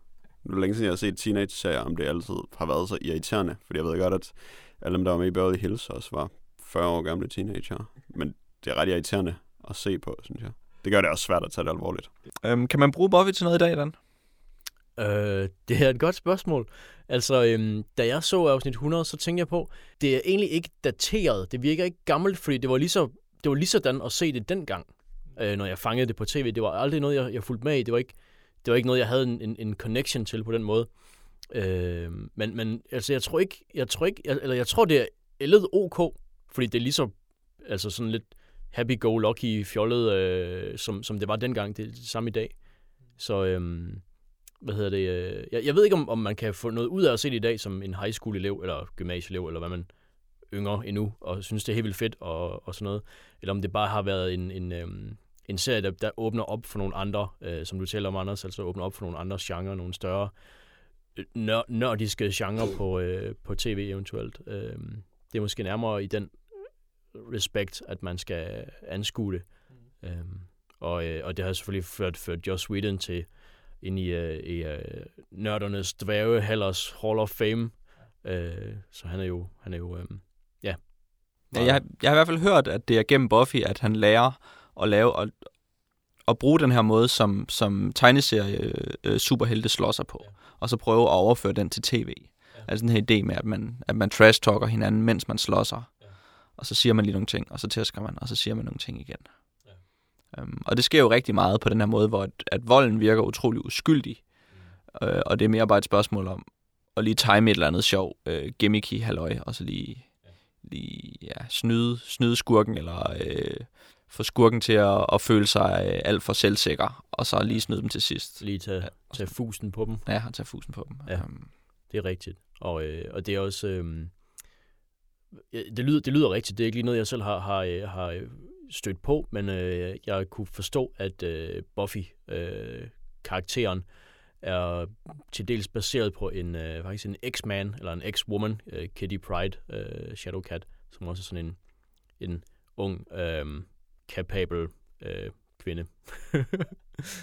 jeg forstår stadig ikke helt, hvorfor Joss Whedon er så dværge halvmindet, som han er. Jeg bliver altid forvirret over, at folk kan være kæmpe fans af Joss Whedon. Ja. Fordi, altså Firefly er jo øh, ja. en big deal for nogen. Ja, det undrer jeg mig også lidt over. Jeg har også kun set et afsnit. Men øh, i hvert fald, altså jo, det virker som, han har meget god komisk timing i det her afsnit. Der er en god pacing i løbet af afsnittet, men der er bare ikke, er ikke sådan noget vildt imponerende. Men altså på det. det tidspunkt at gå ud og lave noget, øh, og lave noget til nørderne, på den måde, som, som Buffy the Vampire Slayer var. Og der er så meget af det, som er, som er til nørdkulturen, og som, øh, og som var et, et marked, som man måske ikke var helt sikker på eksisterede, eller man blev, måske, man blev ret overrasket over, at Buffy blev så kæmpe en succes. Ikke? Det blev vildt stort i Tyskland, for eksempel. er det så ikke mere produktionsselskabet, vi skal være kæmpe fans af? Oh, det er jo bare altid creatoren, der får al kreditten. Ja. Men det er selvfølgelig dem, der troede på det. Som, øh... Så det var jo dem, der gjorde det til en stor ting. Joss Whedon var bare en nørd. Ja. Men der bliver lavet rigtig mange øh, tv-shows, som prøver forskellige vinkler, og som prøver at finde nye målgrupper, og det hele af det falder fra hinanden, og der er jo ikke rigtig noget, der bliver til noget. Og der er i hvert fald meget, meget få tv-programmer øh, eller tv-serier, som bliver gode. Så jeg tror, at, øh, at Joss Whedon, han er, han er sådan kongen af nørderne. Fordi at han, øh, han gjorde det, han gjorde. Altså, det var altid lettere. Det var let, man, alle kunne have gjort det. Men øh, der var ikke nogen, der havde visionerne til at gøre det på det tidspunkt. Det er bare fordi, jeg, jeg ikke er en nørd, at jeg, ikke, øh, at jeg godt kan få armene ned over ham. Ja. Det er nørdtesten. nørdtesten, ja. Dang it. Men nej, det, det er sjovt, at han har den status, som han, som han har. Fordi det er begrænset, hvad jeg synes, for eksempel, han har lavet, der er godt også. Øhm, jeg, jeg tror, hvad hedder det, jo, jeg kan godt lide Firefly, men jeg, Buffy, det, det, det tror jeg aldrig, der bliver noget, jeg, jeg sådan kommer til at tage, tage til mig. Jeg prøvede at se den øh, serie, han har lavet, der hedder Dollhouse. Den synes jeg, der var lidt kedelig også. Øhm, så det, øhm, det er ikke lige... Jeg ved ikke med ham, Joss Whedon. Han har bare, ja, tappet ind i et eller andet, altså åbnet en eller anden... Åbnet for nørd sluserne, eller ja. et eller andet. nørd munden. Ja. Men det er sjovt, at han der håndlangeren bliver skudt med armbrysten. Ja. Lige da han holder sine taler. Ja, det er rigtigt. Der er nogle, der er nogle rigtig gode komiske ting, altså, som, øh, ja, i Buffy, som, som er, øh, ja, som virker. Så bare sådan, i afsnit 100. Ja. Mm. Og rigtig ja. dårlige make effekter og sådan noget. Ja. Med de der øh, troldefolk. Ja. Men det virker også bare som om, det er lidt af med vilje. Fordi ja. der er ikke nogen, der tager noget af det alvorligt. Ja. Så det er sådan, ha, nu laver vi noget sjov. Skal ja. trolde make -up. Og så ja. har de, øh, så har de sådan, så meget make på, og de har sådan et eller andet proteseværk også, som gør, at de ikke bare sådan, de er nødt til at dreje hele, hele hovedet for at kigge rundt, fordi de ikke kan se noget. Så de sådan kigger med hele hovedet, i stedet for bare at kigge med øjnene. Ja, det er sjovt. Det er Øhm, fandme fedt. Der var, der var faktisk, jeg, jeg kom lidt til at tænke på, øh, om Buffy ligesom den gamle Adam West Batman-serie, og man kan sådan se den på med de unge øjne, hvor jeg kan huske, jeg så den gamle Batman-serie, så var alting dødsens alvorligt øh, for mig. Øh, og så hvis man ser den i dag, så er den jo øh, rimelig campy, som, som, som man nok kan forestille sig. Øh, men jeg kan forestille mig måske, at, øh, at det kunne være det samme med Buffy, at man kan se den, og så tænke, okay, det er bare sjovt og fjollet. Og så hvis man er 12 og ser det for første gang, så er det måske det mest alvorlige, man nogensinde har set. Men jeg tror faktisk, Buffy er for kedeligt til en 12-årig. ja, okay.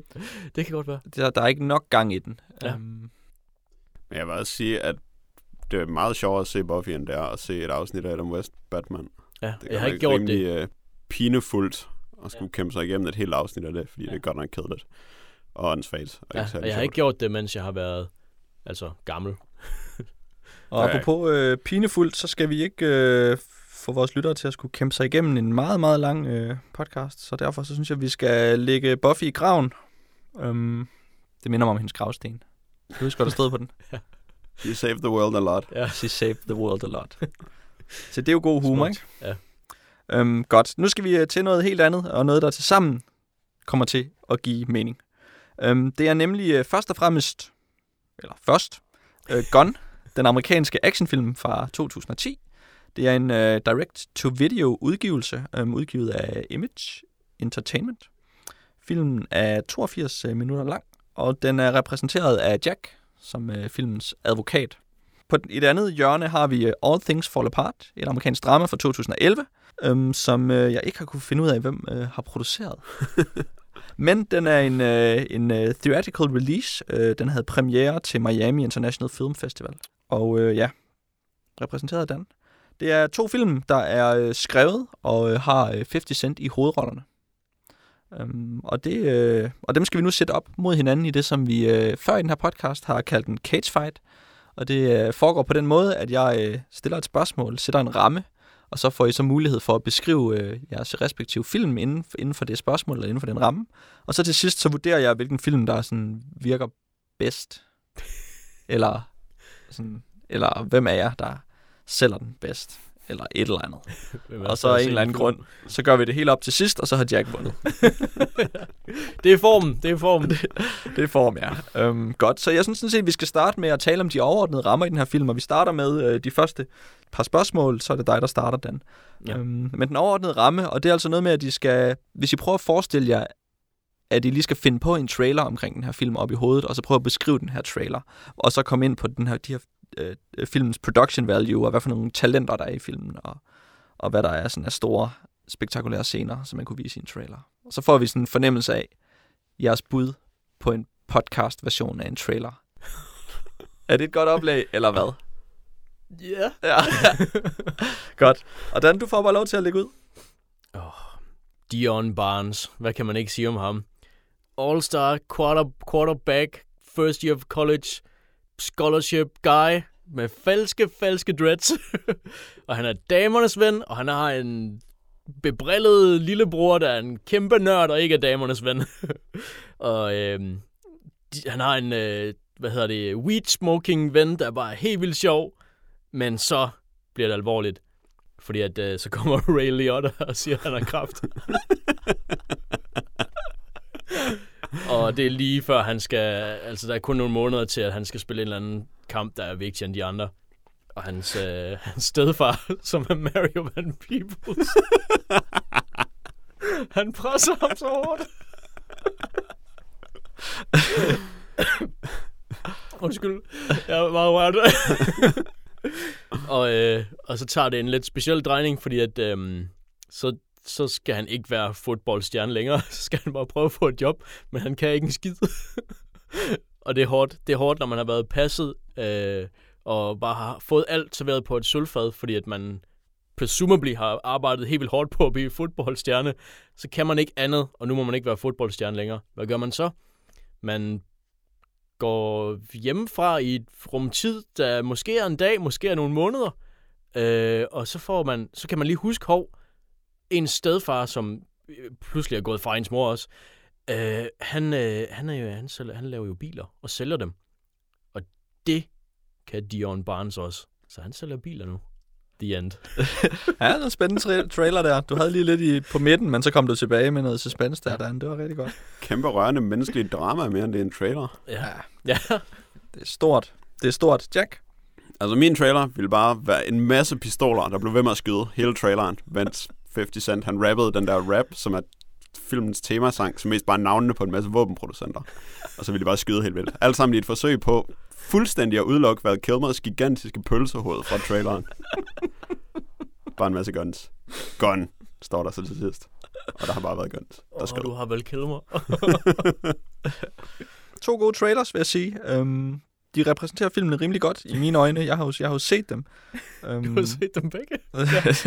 jeg har set dem begge. Uh, men jeg vil sige, uh, Dan, du, du fanger nok med, uh, med din... Uh, med din, din struktur på din trailer. Jax, den bliver lidt for, øh, lidt for læflende, synes jeg. Tre minutter med pistoler, der skyder. Det er Hvad mere rigtigt. vil I have? Jeg, Jeg, jeg, ved ikke nok elske mig. Jeg ved det ikke. Hvis jeg var målgruppen, så ville jeg falde for det. øh, men det er jeg ikke. Så, øh, så vi starter, vi starter ud med, et- med et point til, øh, til, til Dan her. Og så går vi ellers i gang med øh, dine tre spørgsmål, som alle sammen omhandler øh, 50 Cent øh, på forskellige ledere kanter. Øh, det vil sige 50 Cent som skuespiller, 50 Cent som manuskriptforfatter og 50 Cent som musiker. Og jeg synes, vi starter lige kort med sådan en lille intro til det her øh, musikalske univers, som Jack han øh, nævnte lidt omkring. Og så hvis I bare lige øh, prøver at beskrive, hvordan musikken indgår i de her film, så vi kan få det overstået, og ikke skal tale om musik længere. De er til fest på et tidspunkt, hvor alting stadigvæk går godt. Og der er nogle honeys med nogle big asses, der shaker dem. Og så er der, øh, så er der 50 Cent, der synger om, at han bare vil get high og have a party. Og øh, så er der øh, en utrolig kort sexscene, eller man når ikke at se sexen. Jeg er ikke helt sikker på, hvorfor, fordi det virker oplagt i den her slags film. Men der er så lige sådan en, en, en lidt blidere, øh, jeg tror også det er 50 Cent, en lidt blidere sang, hvor der lige er sådan noget med, get down with you, go! og så glemmer de til næste dag. Ja, gud. Ja. Så det vil sige, øh, der er ikke meget musik? Der, der er ikke, øh, så vidt jeg kunne forstå, så er der ikke meget 50 Cent musik. Øh, der er også øh, altså nogle sange senere hen i filmen, men det er faktisk, altså det, det, det er faktisk, øh, man lægger først mærke til det i starten af filmen, og så er det faktisk lidt forholdsvis ok integreret senere hen. Så i starten så skurer det lidt, men ellers så, ja. Ja, men det lyder jo øh, det lyder sådan set meget godt, Dan. Hvad siger du, Jack? Jeg synes, jeg tror, der var to 50 Cent sange med i den film, jeg så. Og den ene var en, hvor han sang, at han godt vil være skyderen, og så nævner han sådan en masse skydere, som han kunne være og den kommer sådan hver gang, de gør et eller andet med våben. Og så virker det virkelig fjollet, fordi, okay, vi kan godt se, at I handler med våben. Og den her sang, den er virkelig dårlig. Det er bare navnene på en masse våben, du rapper. Det er ikke særlig imponerende. Og så er der en, øh, hver gang der er damer til stede, så er der, jeg tror det er den, der hedder Shut Up, Bitch øh, som handler om, at damer de snakker for, for meget. Enough is enough, I just wanna fuck, er så ligesom det centrale rim i den.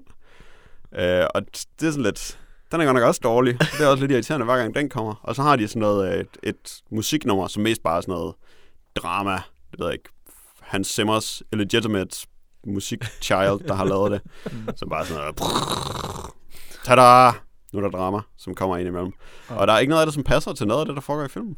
Så jeg var meget skuffet. Jeg havde troet, at de, der i det mindste ville være rap-musik, Ja. som var godt. Ja. Mm. Mm-hmm. Men det var virkelig dårligt. Ja, men øh, det er rigtigt, og der er jo rigtig meget musik. De kommer jo som perler på en snor i Gun. Og meget anmæsende. Jeg kan huske en scene, hvor jeg sad og tænkte, åh, der har ikke været noget musik, og så kom der bare musik. så gik de lige ud af en dør, og så kom der musik. Okay, så, men, men du synes ikke, at det passer? Nej, det synes jeg ikke. Eller, altså, I'll be the shooter. Ja, ja, men I står og skyder helt vildt. Jeg kan godt... Jeg kan sådan svagt fornemme, at der er en sammenhæng med musikken her, men det, må- det får jeg ikke så meget til. Jeg skyder, skyder de. Ja, øhm, og jeg vil jo sige, at det er... Øh, at det falder nok ud som øh, til, til fordel for All Things Fall Apart, at de ikke har særlig meget musik med. Fordi Mm. så, øh, så skal de ikke hele tiden prøve at inkorporere det. Øhm, og jeg, jeg husker lange passager, hvor der slet ikke er musik. Ja. Og det, vil, og det er jo godt. ja. Så, øh, Det er ikke så anmassende i hvert fald. så, så den får et point mere. Yes, nu skal vi se på, øh, på 50 Cent som skuespiller, fordi øh, han har en hovedrolle i begge film. Um, Dan, du tager os lige, det starter også ud med den her. Ja. Um, og så, øh, ja, hvad, hvad spiller han? Hvor godt gør han det? Jamen, der er i uh, All Things Fall Apart, der er han jo den her uh, kendte, berømte, sk- eller, på vej til berømmelse, uh, football player. Øh, Dion Barnes, der har de falskeste dreadlocks, men ellers er en flot fyr med et smukt smil og, øh, og ikke så meget hjerne.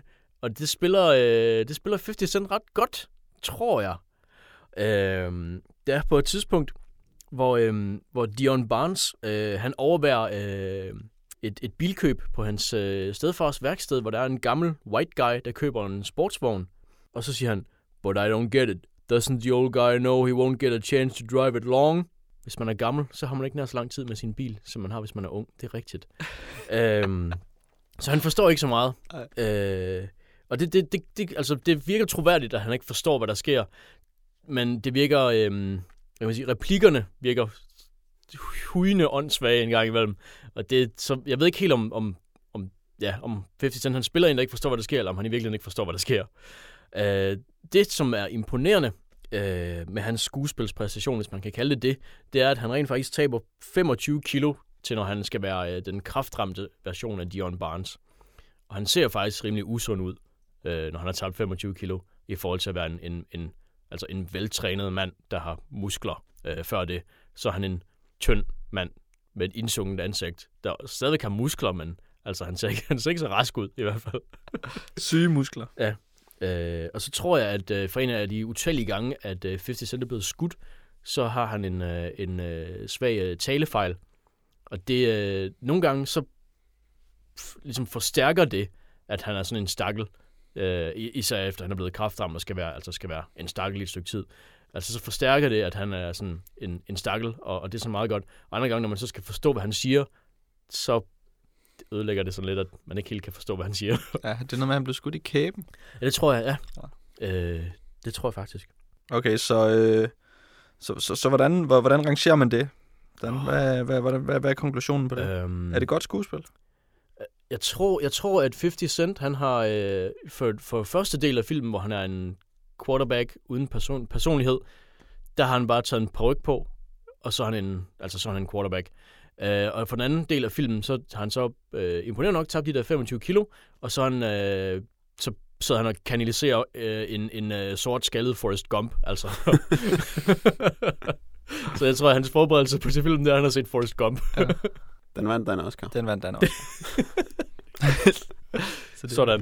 det er god inspiration. Jack, hvad, hvordan, hvordan er skuespillet i Gun? I Gun, der spiller han jo en våbenhandler, som tydeligvis har haft en hård barndom. Så det vil sige, at han skal mest bare ligne en tough guy og ikke have nogen følelser hele tiden. Og det tror jeg lægger meget godt i tråd med, hvordan hans... Øh, nu er han jo en, en optrædende, et optrædende menneske, øh, også i sit dayjob. Øh, så jeg tror, det passer meget godt med, hvad han er vant til at gøre. Så det, han klarer egentlig ret overbevisende at ligne en tough guy, uden at have nogen følelser. Der er to scener, hvor han skal have en følelse i løbet af filmen, hvor jeg faktisk ikke var særlig skuffet over ham. Den ene er efter, at de lige har været i en ildkamp, så er han sådan øh, op og køre, og så sidder han sådan og, uh, uh, det var vildt det her. Prøv lige at tænke på, hvor fed min gun den var i den her ildkamp, vi lige har været i. Hvad kæder mig. Øh, hvor just, det, det virkede fint nok. Han virkede, som om han var sådan lidt op at køre over det. Og jeg blev ikke sur. Og så er der et, til sidst i filmen, hvor han skal have en meget dybfølt diskussion med Val Kilmers enorme pølsehoved, øh, om hvordan de i virkeligheden bare er det samme, og der er han blevet skudt lidt, og, sådan, øh, og skal måske i fængsel, og så ligger han og tager lidt på vej, og skal opføre sig lidt skørt. Og det, det klarer han egentlig også meget fint. Jeg, jeg, sidder helt, jeg er altid lidt betuttet, når jeg skal sådan kigge på ham, fordi jeg ved ikke helt, hvad der foregår, eller hvad det er, han føler, men det virker som om, at han føler det sådan rimelig meget i de scener, hvor han skal føle noget. Så det er vel... Øh, Jeg kan godt huske den scene, du beskriver, hvor han sidder i bilen. Og det han sådan set gør, det er, at han, han, han skifter rundt i en masse stemninger. Ikke? Han starter med at være oppe og køre, og så bliver han sådan lidt, sådan lidt grov, og så tror man, at han er sur på Val Kilmer, men så tog han pis på Val Kilmer. Um, øhm, og det er sådan set det er meget stærkt, og det, det, det, i, i flere gange så har, kan man have et close-up af hans ansigt, og så kan man se ham tale, og så kan man se ham køre rundt imellem følelser, på samme tid med, at han skal emote det, det tilsvarende med, med hele sit face. Um, og det synes jeg faktisk, han kunne. Det er der ikke særlig mange skuespillere, der kan. Der er blandt andet en kvindelig skuespiller i filmen, som slet ikke kan det der. hun ser virkelig virkelig ud. Ja. Hun har sådan et fuldstændig teksturløst ansigt, som sådan på en eller anden måde ikke rigtig reflekterer lys. Så det var sådan, ligesom sådan en, en beige plamage, der er på lærredet hele tiden, når hun bevæger sig rundt. Det ser med mærkeligt ud. Ja. Og så fandt jeg ud af, at det er hende, der spiller hovedrollen i Accession. Og det fuckede mig virkelig op, at hun er sådan en mærkelig fuldstændig ligegyldig, usynlig glamour babe i en film med 50 Cent, og så er det også hende fra Accession. Vildt. Det fuckede mig. op. Og hovedrollen i den nye øh, Beverly Hills 90210 tv-serie. Det kan jeg godt se, den base plamage Ja. spiller hovedrollen i. Ja. Det var lidt noget andet i Accession. Det er sjovt. Yes, øh, men jeg synes, øh, at øh, Gunn faktisk godt kan vinde den her. Øh, det er lidt unfair måske, fordi at, at Gunn sætter barn meget, meget lavt for, hvad der er skuespil. Og hvor at øh, All Things Fall Apart, den prøver jo at ligesom køre, den. køre ham gennem hele, hele følelsesregistret. Men, men han bliver jo til sådan en Forrest Gump-klat til Ja. ja. sidst, øh, og han gør faktisk ikke rigtig noget. Nej. Han er bare sådan lidt, han spiller bare på, jeg har kraft, så jeg skal ikke sige noget. Ja. Ja. Jeg har bare kraft ethos. ja. Jeg skal bare lige, jeg skal bare sidde og, øh, og, og have kraft. Og så indimellem, så kan jeg lige smile sådan lidt, Ja. mm, som sådan en lille hundevalg, men så får jeg kraft igen.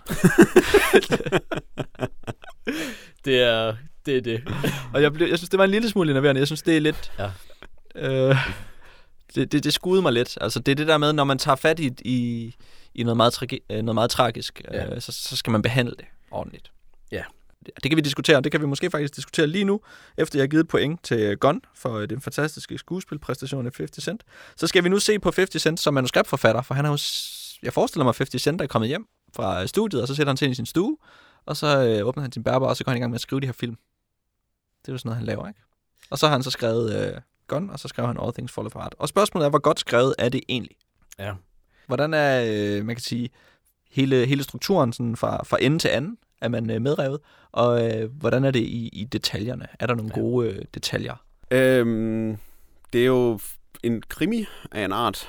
En rimelig standard krimi, hvor der er en øh, forbryder, og så er der nogle betjente, der gerne vil fange ham.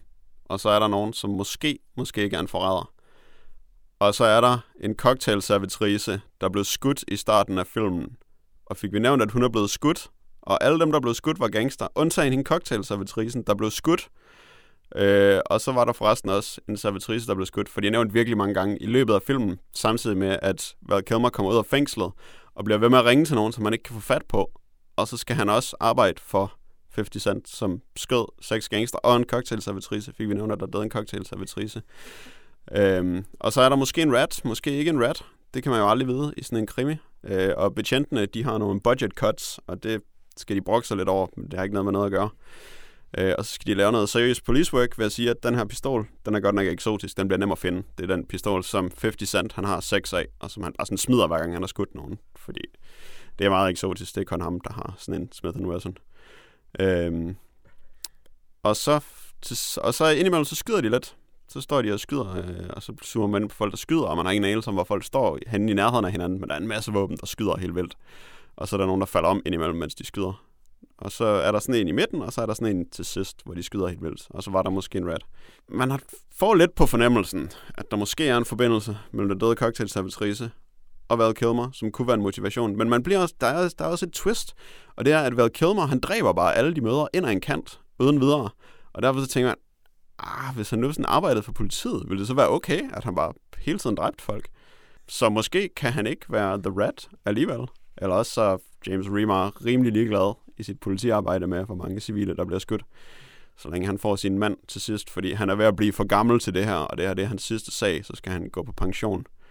Og så, ah, så er der sådan nogle agenter, der kommer og vil tage en sag fra ham, selvom de ikke rigtig vil tage en sag fra ham. De kommer faktisk så rimelig høflige og sætter sig pænt ned og lytter til, hvad han har at sige. Og gør, som man siger, men ah, agenter, det er bare det værste, en gammel politibetjent ved.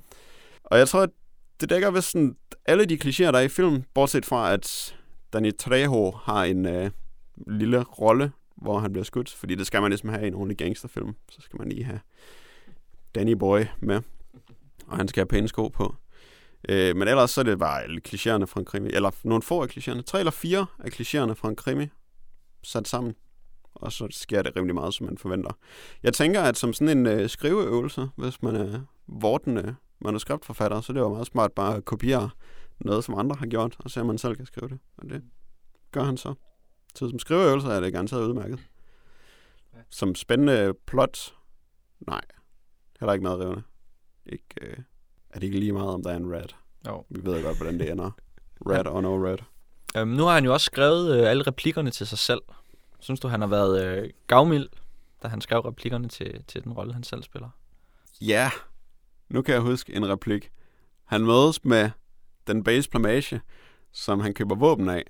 Og så er de på sådan en bar, hvor han lige har sagt til sådan nogle dudes, at de skal lade være med at genere damen. Og så har han lige sådan en patron, han smider ned i deres drink. Og siger, at den næste, den kommer ikke ud af hans hånd. Og så snakker de lidt om nogle våben, han skal købe af hende. Og så siger han, do you think you can handle this load? Og så skal de knalde. dig. Det er pretty smooth. Ja. Jeg forestiller mig bare sådan en stor base pandekage. og så 50 cent i uheldig forening. Ja, men hun ser virkelig mærkelig ud. Øh, Og så siger han, do you think you can handle this reload? Og så er der det der 80'er sex scene klip, hvor de sådan banker ind i en mur, mens de snaver, sådan lige bagefter. Et beat, og så bang, Ja. så boller de. ja, det er meget godt. Ja, og jeg synes, det, det er markant, hvor meget... Øh, på et tidspunkt, så blev jeg bare træt af at høre ham pludre. Fordi at jeg havde det måske lidt som om, at han havde skrevet lidt for meget til sig selv, han skulle sige. Og nogle gange så siger han bare, åh, der sker noget nu. Åh, der kommer en ud af bilen. Og det er sådan, hold nu kæft. det er sådan, Jeg kommer ind ud af bilen. øh, altså, øh, han, han kommenterer alt, og han pløder løs. Og ja, de andre... så behøver altså, man ikke tænke på, hvad Kilmers pølsehoved. Nej, og jeg tror vel Kilmer, han har måske bare fået løn for, øh, for den sådan, mængde replikker eller sådan noget, fordi han har ikke en skid. Altså, Arbejder på godt. han skal helst bare stå, og så bare have pølsefjæs. Og det har han virkelig. Hans Åh, hoved der mand. så stort og så pølset. Det er ret vildt. Det er næsten useriøst. Nå, ja, så øh, man kan sige, ikke, ikke noget, der springer frem, men en masse klichéer. Og øh, altså, politi, gangsterdrama. Det er virkelig gennemsnits gangsterdramaet. Det er ikke det, der springer ud. Dan, hvordan øh, så det ud i All Things Fall Apart? Når man ser den, uden at vide, hvad den handler om, så er det ikke den film, man regner med, at 50 Cent ville have skrevet, vil jeg sige. Og det er, altså, det er, en, det er en positiv ting, fordi jeg vidste ikke, hvad der ville komme til at foregå i filmen. Den starter sådan ret let, men, men så sker der bare nogle ting, som man ikke rigtig ved, hvor den er på vej henad. Og ikke på en måde, som man er, er hvad kan man sige, forvirret eller disconnected fra, hvad der sker. Men det er som om, at der kan ske nogle forskellige ting, og nu ved jeg ikke, hvad ender det med. Øh, og det var faktisk det var faktisk meget godt, at wow, der, der sker noget andet, end jeg forventede, men det giver stadigvæk mening, det der foregår. Det er ikke bare, at man sidder og er, er sur eller forvirret. Øh, det, var sådan set, øh, det var sådan set meget godt. Var du øh, bevidst omkring, at det var, øh, det var baseret på, øh, på rigtige hændelser? Det øh, var jeg først bagefter. Så, øh, så ja. Og jeg ved ikke til hvilken grad, at den er helt tro til de her hændelser. Nej. Øhm, der er, øh, altså i detaljerne, så, så falder den tit fra hinanden, fordi der er bare sådan nogle ting, der ikke, der ikke hænger sammen. Som for eksempel, når øh, de taler om, øh, om den her øh, kraftsygdom, han har fået for Ray Liotta. Han starter med at forklare alting ned til sidste detalje, og så spørger han bagefter, what does that mean? Og han har lige forklaret det hele. øh, og øh, også altså, få sekunder efter det, hvor de står ude på gangen, og så siger stedfaren Mario, Mario Van Peebles, I need to know it's not leaving this room. Du står på en gang. altså, det, det var sådan de der små ting, der bare der hele tiden blev ved med at irritere.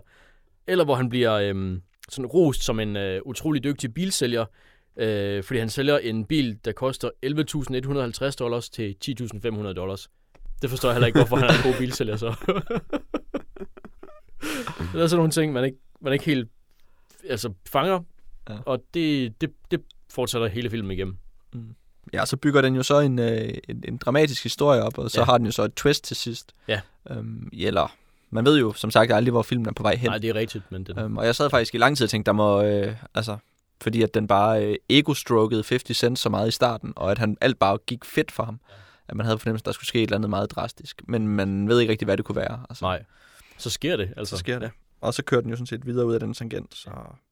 Jeg, jeg, har, jeg har ikke rigtig lyst til at give nogen point til nogle af de her film, men jeg tror, at... Øh, ja, så, så ryger spændingen jo, men øh, det må være All Things Fall Apart, som, som er den bedste, det bedste manuskript, det der er bedst skrevet. Øh, der, der prøver han noget, og han skriver, øh, en, der er en lidt større mangfoldighed af, ja. af karakterer.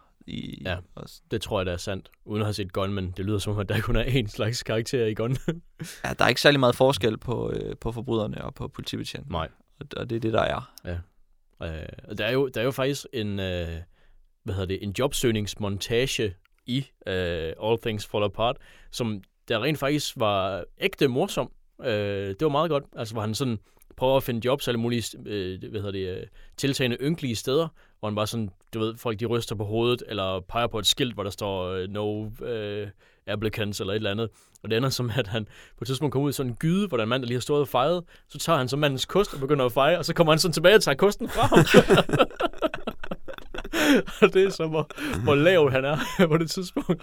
Ja. Det var sådan set meget godt. Det er det. Og der er noget, øh, noget fantasi i det, ikke? Ja. Godt, men så tager vi øh, det, sidste, det sidste punkt i den her øh, dyst mellem, øh, mellem de to film. Og der skal vi se på øh, sådan den sociale bevidsthed, og øh, man kan sige, om filmen har, har hjertet på det rette sted, eller om den, øh, om den på en eller anden måde siger noget om verden. Den har sådan en, øh, en lille... Måske sådan den eneste scene, der ikke er direkte relateret til krimiplottet, hvor de sidder øh, 50 Cent og nogle af hans håndlangere, så sidder de og har en lille hyggesnak, hvor de fortæller en sjov historie om dengang 50 Cent var barn, hvor øh, de sad og så fjernsyn, og så kom der en og skiftede kanal, en anden dreng, og så tog 50 Cent et fjernsyn og smadrede ham den lille dreng med det. Og det var sådan, okay, så han var en rimelig stor jerk, da han var lille også, og nu er han stadigvæk en rimelig stor jerk, og så kommer han i fængsel til sidst. Val Kilmer er også en rimelig stor jerk, men øh, han har hjertet på rette sted, og øh, en datter. Så selvom han også bare dræber folk ind ad en kant, så, får han, så bliver han genforenet med sin datter til sidst. Og øh, det er rimelig træls, at der er sådan en masse våben i Detroit, har vi hørt i radioen der, og det er rimelig træls, at politiet ikke får nogen penge, men det ændrer sig ikke rigtigt. 50 Cent kommer bag træmmer, og det er vel så teoretisk set bedre, men ham der, som solgte 50 Cent våbnet, som 50 Cent solgte, han kommer ikke i fængsel. Så jeg synes, den har rimelig meget givet op på øh, den sociale situation. Ja. Det er håbløst. Men det er vel også øh, en, en vigtig pointe, hvis han synes, at det hele er noget skidt. Ja, det er det vel. Der er ikke så meget håb. Nej, men mindre man har en datter, så kan man blive genforenet med hende, selvom man har været i fængsel engang Og har et pølsefjæs. og har et pølsefjes. Hvad, hvad så med den her, So den, much baloney. den karakter, som 50 Cent spiller? Hvordan er han, øh, altså, hvordan er han sat op, sådan rent moralsk? Er du snart færdig med at stille mig spørgsmål om den her film? Fordi den er så fuldstændig ligegyldig. Og 50 Cents person er så fuldstændig ligegyldig. Altså han er bare sådan... Han er bare sådan en gadebølle, og der er sikkert sket noget dårligt, som forklarer det, men det går filmen bare ud fra, at vi kan gætte, at han har haft en dårlig opvækst. Og derfor så er han lidt en bisse nu. Så det er sådan på en måde lidt synd for ham, men han, skal jo, han er jo også nødt til at tage sin max straf, fordi han er jo, han er jo en bisse. Så han skal jo i fængsel til sidst. Men øh, og det er lige meget, og det er lige meget, hvem han er. Fordi han er bare sådan en, der skal i fængsel, fordi han har holdt gang i plottet i et ligegyldigt gangsterdrama. Og det, så skal man i fængsel til sidst, hvis man ikke bliver dræbt. Men, men har han, øh, altså, tro, tror du filmen synes, at det var det hele værd, fordi at han levede nogle fede år på gaden? Og med alle pengene og våbnene.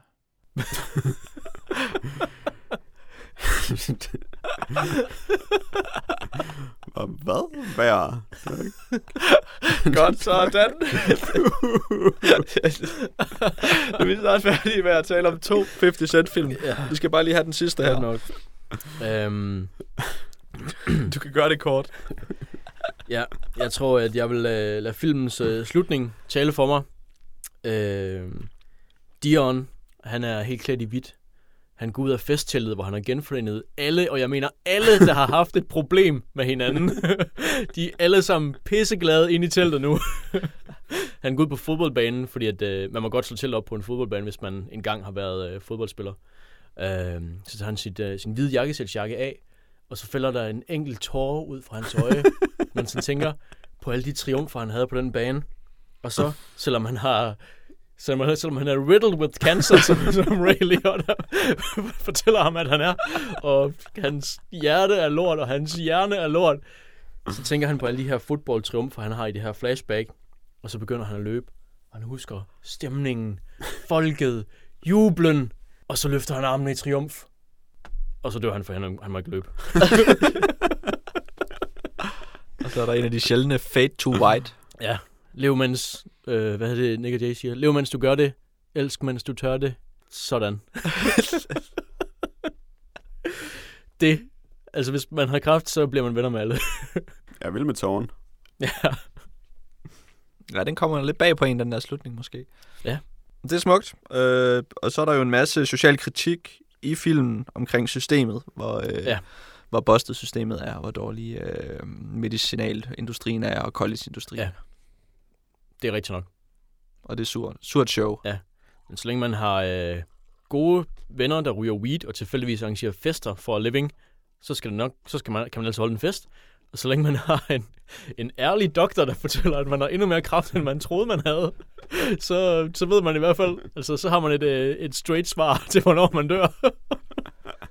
Ray Liotta, han skinner så meget igennem i de der to scener, og han bare fortæller, at han har helt vildt meget kraft.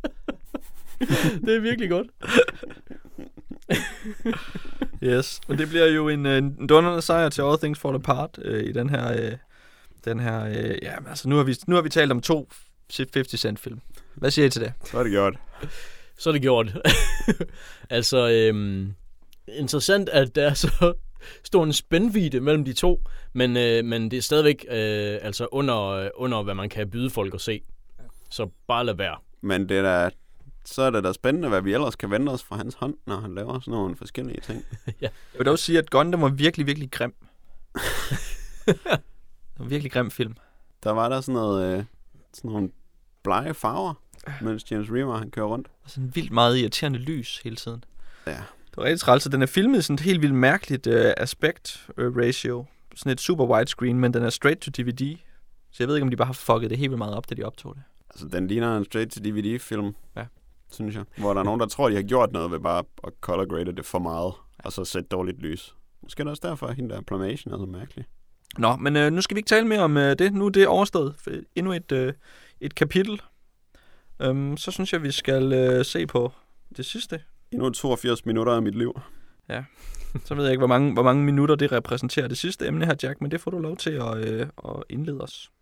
Det sidste emne, vi skal tale om, det er 100 års ensomhed, som er en roman, der er skrevet af Gabriel José de la Concordia García Marquez, som er født i 1927 og døde 17. april 2014, så det er rimelig tæt på.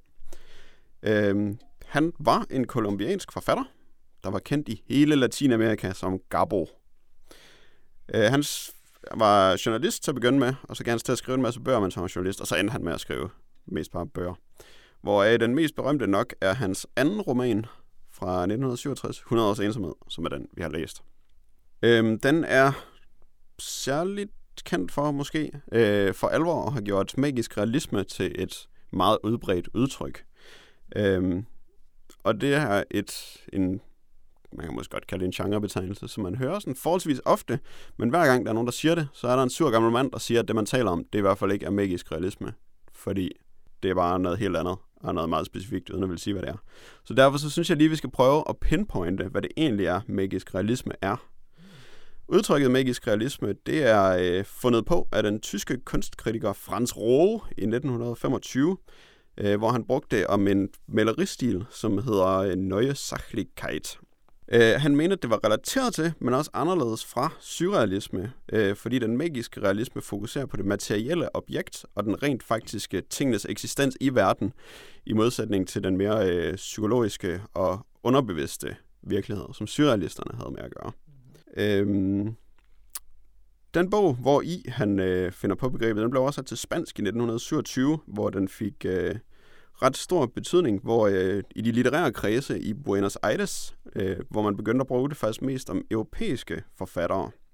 Øh, det blev samlet op af Jorge Luis Borges, en anden berømt latinamerikansk forfatter, øh, som sammen med nogle andre startede et øh, litterært tidsskrift, hvor man skulle lave øh, magisk realisme i. Øh, Historia Universal de la Infamia, som de startede i 1935. Og så i øh, 40'erne og 50'erne, så blev øh, magisk realisme virkelig stort i Latinamerika. Øh, især i Argentina, men jo så også i Colombia. Øh, og man kan sige, Marquez bogs 100 års ensomhed ligger jo så nogle år efter ligesom boomet, men så var det så der, at det sådan for alvor blev berømt. Og sidenhen, så er det så også blevet lidt sådan, at man må ikke kalde noget magisk realisme, hvis det ikke er skrevet af latinamerikanske forfattere. Og jeg tror, det er derfor, at de sure gamle mænd, de bliver sure, hvis man siger det, selvom det er dumt, fordi det oprindeligt blev brugt af europæiske forfattere. Så sure gamle mænd. Øhm, der er også, øh, jeg har også en liste over træk, som karakteriserer magisk realisme, men jeg tænker, at dem kan vi måske tage i forbindelse med bogen. Jeg ved ikke, hvad du Det lyder har. spændende. Fordi så kan man lige tage nogle eksempler på ting, der er sket i historien, og hvordan de relaterer sig til det. Fordi det er lidt omfattende at skulle øh, give et resumé af den. Jeg kan sige, at helt overordnet, så handler den øh, om byen Macondo, der bliver grundlagt af Ursula og José Arcadio Buendia Øh, og så hører vi om byens udvikling i løbet af 100 år, og hvordan øh, deres børn og børnebørn, øh, José Arcadio Aureliano Buendia Arcadio, Aureliano José, José Arcadio Segundo, Aureliano Segundo, José Arcadio, Aureliano Babylonia og 18 andre Aurelianoer og mange andre, de øh, lever og dør i byen Macondo i løbet af de her 100 år. Og, og, og mine. Øhm, og der sker så jo lidt af hvert i løbet af de 416 sider, som bogen var. Øh, og fordi det er svært at huske dem alle sammen, og fordi det er svært at vide, hvor man skal starte, så tænker jeg, at vi tager de her træk ved den magiske realisme, og så kommer vi lige med nogle eksempler fra bogen. Og Det er en god idé. Og så kan vi stede. måske også øh, prøve at sørge for ikke at... Jeg ved ikke, om man kan spolere den her bog ved at tale for meget om den. Men det er jo et... Øh, Øhm, ja, det må vi lige... det tror jeg ikke, man kan. Det, nej, umiddelbart nej. Nej, det, det, kan tror man jeg heller ikke. ikke. Fordi, Det ligger i substansen. Ja. Altså, i og med, at den foregår over så lang tid, så ja, personerne dør, altså. så det, altså, det er det, man er bange for, altså. Ja, helt Ja. sikkert. Godt. Et af de første træk er fantastiske elementer. Sker der noget overnaturligt i den her bog? Øhm, ja. Eksempelvis er der en, øhm, en fyr, der bliver myrdet, og øh, hans blod, det øh, drypper ud under døren, hvor han er blevet dræbt, og ned ad en bakke, og jeg tror, det drejer til venstre, og så ned til, øh, hvad hedder det, øhm, døren, hvor hans, øh, hans mor bor.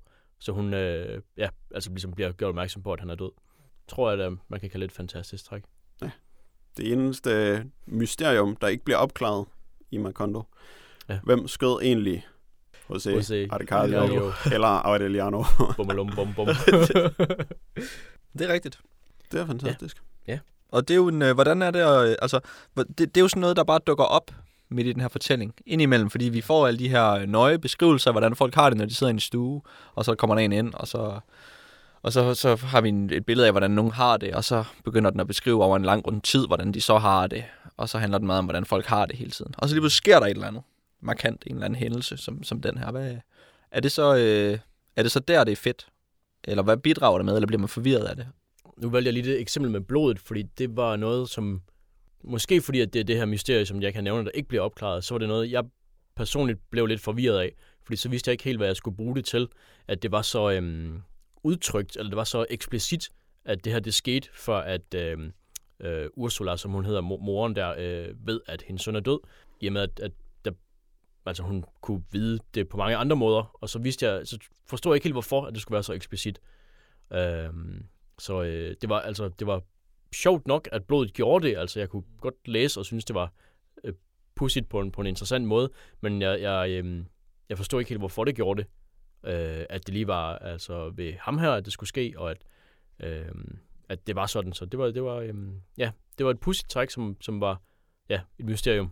Men det er så også en af dem, som sådan direkte griber ind og bliver bemærket og har en indflydelse på noget. Ligesom da skønheden Remedios, hun stiger til himmels med sengetøjet.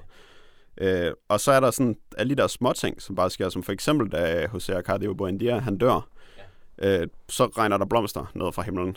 Ja. Og det har ikke noget med noget at gøre. Det er bare sådan, forresten, så regner der blomster ned. Og jeg synes, det, det spændende ved det er, nu ved jeg ikke, om der er en eller anden magisk realisme pointe, som vi skal gemme på, men, men det spændende ved det er, at, øhm, at i stedet for, at, at de her ting springer ud, og historien knækker, og så synes jeg sådan set bare, at, at, at det, det bøjer historien, hver gang de her ting sker.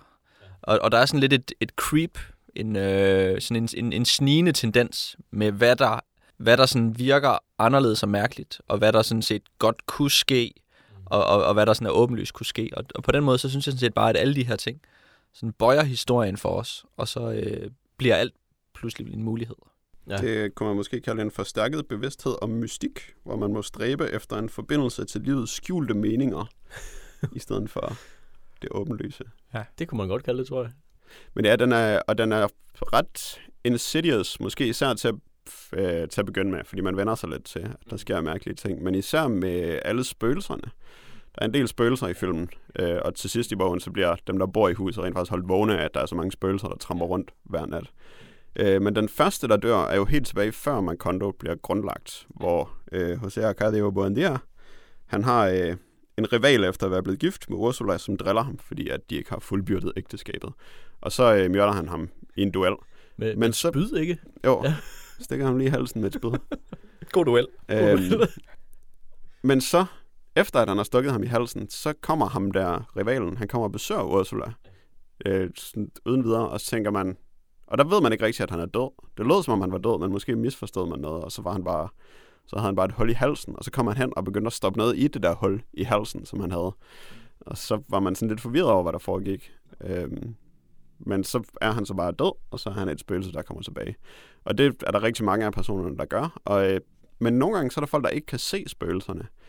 Og så det ville tit være et oplæg til, at man kunne tænke, ah, det er noget, de forestiller sig, at de har andre nogen, som kan se spøgelserne. Men det bliver gjort meget tydeligt i bogen, at der er bare nogen, som ikke kan se de her spøgelser, og det er dem, der er noget galt med. Det er ikke alle dem, der kan se spøgelserne, det er dem, der ikke kan se Ja, de, spøgelserne. de er sådan lidt in denial, altså de benægter nærmest, at de er der, hvis de ikke kan se spøgelserne. Men, Eller men de er der. for ensomme Ja. til så meget, som at kunne se et spøgelse. Ja. Øh, nå, der var vi så lige omkring to træk. Men foregår i den virkelige verden. Gør 100 års ensomhed det? Altså nu har jeg ikke læst op på Macondo, men det virker som om, at den finder på nogle områder. Altså det er ikke konkrete steder i øh, Colombia. Det er noget, der er inspireret af der, hvor Garbo voksede op. Akataka. Okay, wow. Men ja, Macondo findes ikke i virkeligheden. Men øh, for, bliver, er, er det som om det foregår i virkeligheden i bogen? Altså, kan vi genkende det? ja, man, man er der ting, genkender der vel, det? ja, man genkender vel nogle, nogle øh, større træk. Altså i og med, at jeg kan ikke huske, om vi får at vide, det er decideret i Colombia, men i hvert fald får vi at vide, at det er Sydamerika om ikke andet, og at der kommer folk fra USA, og der kommer folk fra Belgien og lignende. Men også, Øhm. at det er i Karibien, hvilket gør det til, at det må være Colombia, fordi det er næsten det eneste karibiske land i Sydamerika. Det er rigtigt, det er Karib, ja, Det bliver stærkt antydet i hvert fald, lad os bare sige det. helt sikkert. Og der er nogle, er nogle øh, navne på nogle øer, der bliver nævnt også. Øh, så Og der er byer i nærheden. Ja, så på den måde, så fornemmer man jo netop, at... Øh, Ja, den følger historiens gang. Ja. Ja, det er det. Også med, med øh, hvad hedder det, altså de hændelser med nogle krige, der forekommer, og nogle, øh, hvad hedder det, altså indus- industrialisering, der, øh, der begynder at, at, at vinde indpas i landet. Og politiske landvindinger. Og generelt så opfører tingene sig jo, som de gør i virkeligheden. Bortset fra, når de så gør noget fuldstændig mærkeligt. Der er, øh, ud- der er rigtig mange beskrivelser af, hvordan folk de skal vedligeholde deres huse, når de bor ude i en jungle, i en sump, og hvordan alting det øh, går i forfald, og hvordan man er nødt til at passe blomsterne hele tiden, og Mm. ordne dørhængslerne, og male sit hus, og Ja. alle sådan nogle ting, som man hele tiden skal gøre, som får, får det til at virke som nogle meget realistiske detaljer i hvert fald. Selvom de selvfølgelig virker meget eksotiske for sådan nogen som os, der ikke er vant til at bo i en jungle. Ja. Så forestiller jeg mig, at det vil være en meget genkendelig tilværelse, hvis man ved, hvordan det er at bo i en jungle. Men det er virkeligheden. Det er virkeligheden. Øhm, fortælleren er tilbageholdende og forklarer ikke magien. Der går ikke Neil Gaiman i den i hvert fald. Der er ingen forklaring. Nej, og der er ikke nogen øh, anerkendelse af, at det er noget mærkeligt, det der sker. Der er ikke nogen anerkendelse af, at det burde være nødvendigt at have en forklaring på det her. Nej, helt sikkert. Tingene sker bare. Og så må man gå ud fra, at det passer. Øh, en overflod af lag og forvirrende detaljer. 418 sider. Man kan, man kan vist godt sige, at der er forvirrende detaljer, i og med, at der er så utrolig mange, der hedder næsten det samme, at de bliver ret svære at skille ad. Øh, Ja, og, og, ja. Fortsæt bare med. Ja, og så vil jeg bare lige sige, at Ja. nogle gange så har man en person, man ikke har hørt om i helt vildt mange sider, og så dukker de så op igen, og uden altså videre introduktion, så er det bare, så kom hende her ind. Og så har man ikke hørt om hende på 50, i 50 sider, og så tænker man, hvem pokker var det? så det kan i Og hvert det fald... bliver så værre, at der sker det samme for dem alle sammen ja. hele tiden. ja. Virkelig mange Det er det. begivenheder, som bare gentager sig med en anden José Ja. Arcadio, end den første José Arcadio, det Ja. skete for. ja. Ja, og så er der jo et, et, et meget, meget tykt sprog. Øhm, det er meget... Øh, ja, hvordan kan man beskrive det? Måden, det, den, øh, altså den, den, den beskriver de forskellige situationer på. Altså, det, ja, det er ikke ligefremt, kan man måske sige. Øhm, jeg lader mærke til mange gange, at øh, når den introducerer en ny person, eller en ny hændelse, der fører til et eller andet, så fortæller øh, bogen, altså hvad der sker. Den her person, øh, han kommer ind, og om da han var en gammel mand, så døde han i sin seng, uden at være elsket af nogen, eller sådan noget. Og så hopper den så tilbage til, at så foregår der noget mere i, øhm, altså når han lige er dukket op i bogen. Altså så den hopper frem og tilbage i tid. Øhm, der kan nogle gange føles forvirrende. Ja, den, øh, men ja, den er også ret god til øh, at præsentere de her folk i en historie, når man fortæller om en person for eksempel, og så møder de en person, der gør et eller andet og sådan noget. Og så det næste kapitel går så tilbage og samler den op og uddyber, hvad der var sket Ja, med ham. så det, ja, det er sådan de der mange lag, der kommer sammen på en eller anden måde. Så skal man holde styr på, hvilken HC det er, man taler om. Var det nu hende her, som der ville leve og blive 130, eller var det Ja. ja. en anden en? Fordi det fik Ja. ja. vi at vide lige, da vi introducerede dem, og jeg kan ikke helt huske det. Det er det. Og hvem, hvem var det, der var mest ensom af dem? Ja.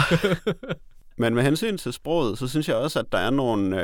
Øh, at det bliver sådan ret poetisk indimellem, på en meget øh, naturlig og ligefrem måde, hvor man for eksempel, så taler man om en gammel dame, der går rundt og ordner nogle ting, og så finder hun et eller andet, og så hører man om, hvordan hendes hjerte, som er lavet af komprimeret aske, det sådan bliver blæst i stykker af nostalgi, selvom det ikke kunne blæses i stykker af ensomhed og decrepitude. Ja. Øhm, som jeg tænker, at virker sådan...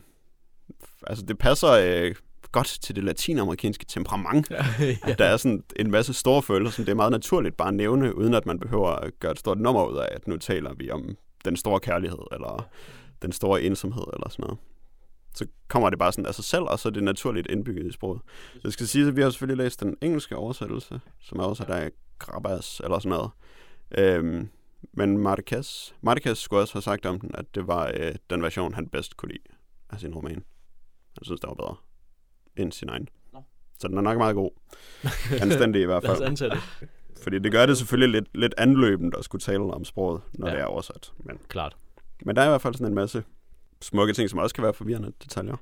Jeg er i hvert fald lidt forvirret over al deres ensomhed indimellem, når folk sådan var ensomme sammen. Alle var meget ensomme åbenbart, selvom det var lidt svært at se. Nå, øh, så er der en hybriditet mellem virkeligheder i uharmoniske arenaer, som modsætning mellem land og by og mellem Vesten og de indfødte.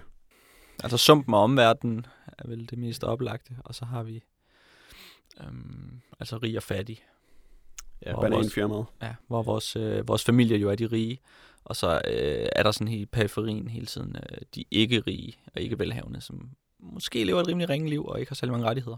Og øh, man må sige, at det bliver skildret som separate virkeligheder. Det her med, at der kommer et bananfirma til byen på et tidspunkt, der Ja. giver sig til at udnytte alle indbyggerne, som bor bag, inde bag ved sådan et chicken fence med strøm i, hvor de har en helt anden verden, hvor det kun er nogle meget få af dem, som hører til i Macondo, som egentlig kommer derover. det er rigtigt. Og vi har det hende der, øh, Fanan... Fernanda, ja, Fernanda, der kommer øh, fra kommer til. en, ja. en større by, øh, der også er en helt anden verden, end, øh, end Macondo er. Er det 32 kirkeklokker, Ja, det tror jeg, det den er. by? Ligesom at Oberst Aureliano Buendia, han tabte 32 borgerkrige. Han er en herlig mand. Øh, ja, ham vil jeg gerne tale mere om, men nu skal vi lige have de sidste punkter. Der er to mere. Øh, den ene er politisk kritik, især af eliten. Fascisme er ikke sådan så godt. Ja. Og politisk opportunisme. Ja.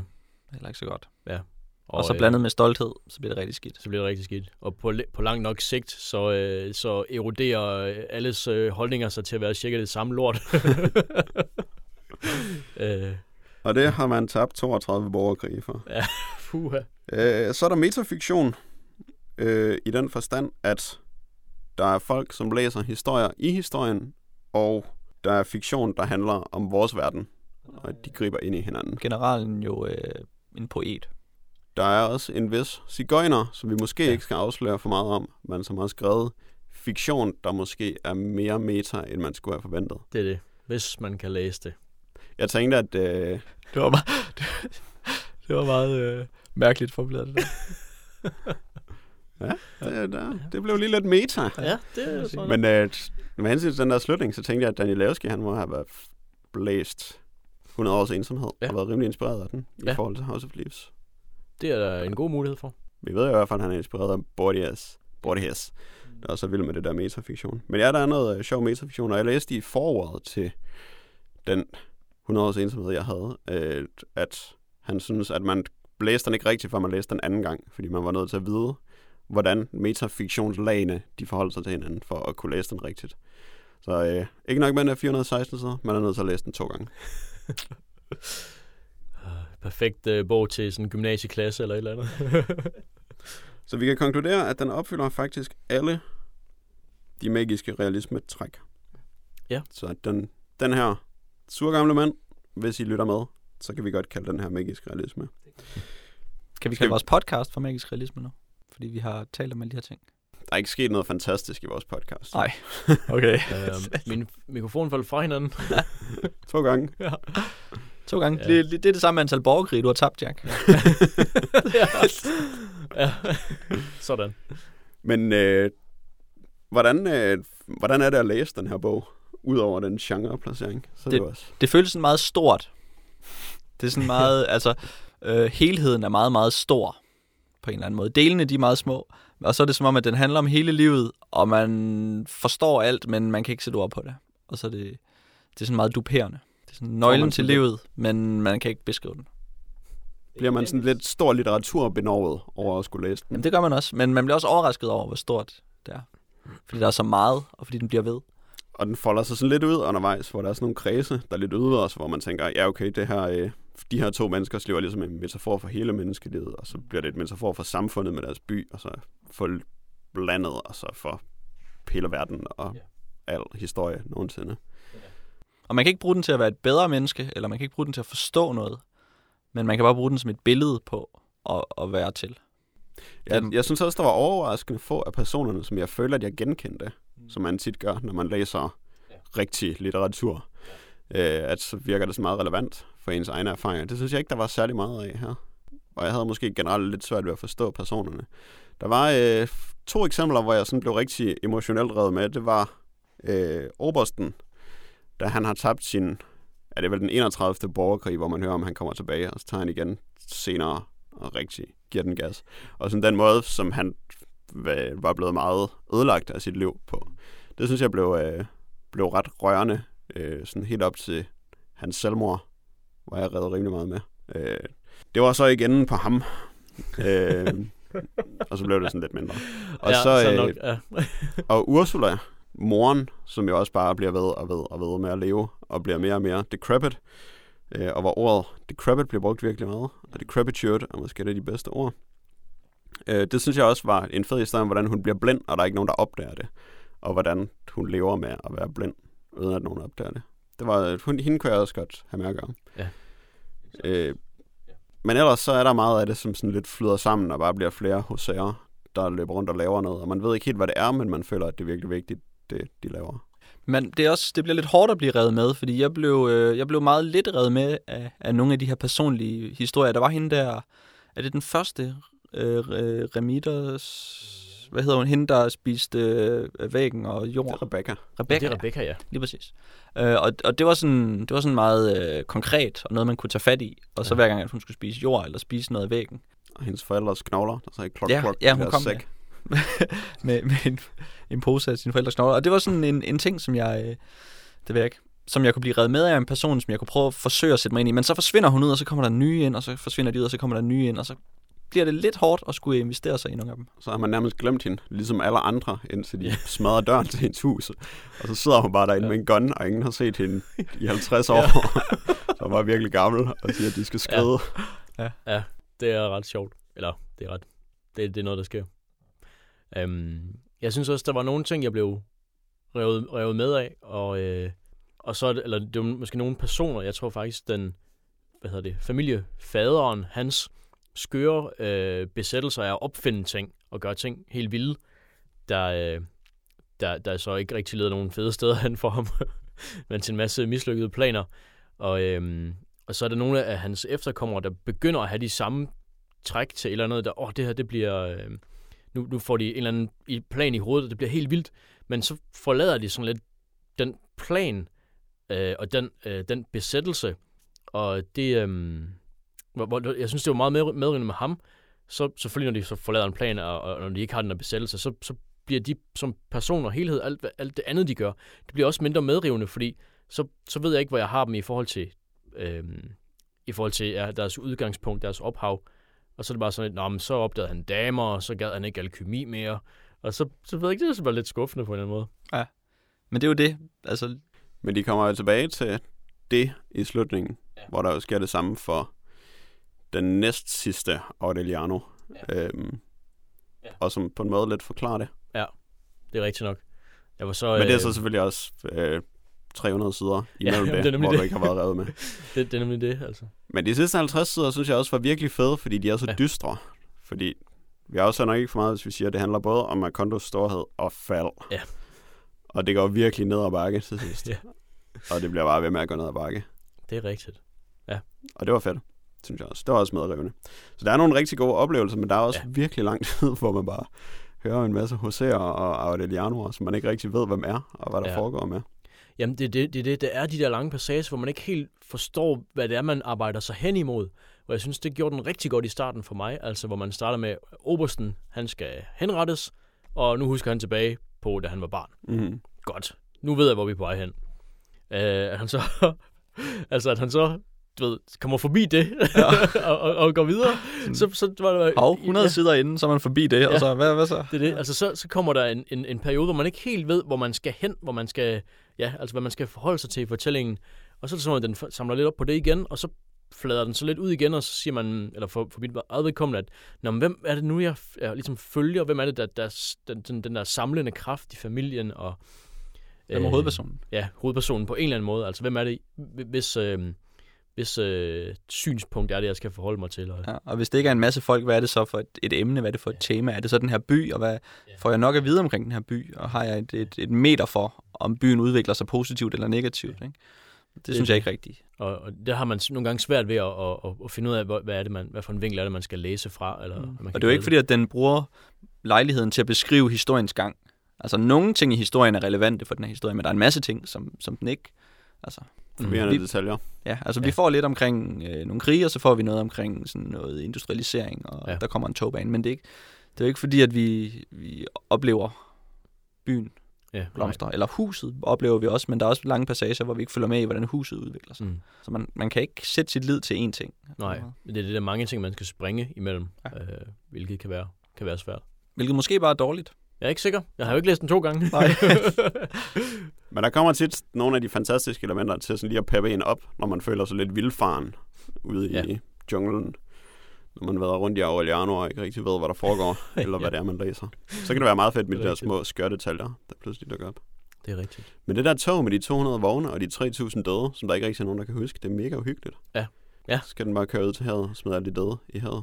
Men Ja. der er ikke nogen, der kan huske det. Ja, fordi, hvad hedder det, ja, begivenheden, hvor, hvor der bliver øh, myrdet en masse øh, i, i løbet af sådan en strække, og den officielle historie er jo, at øh, nå, men de, øh, hvad hedder det, de fik øh, nogle af kravene opfyldt, og så gik de jo bare hjem.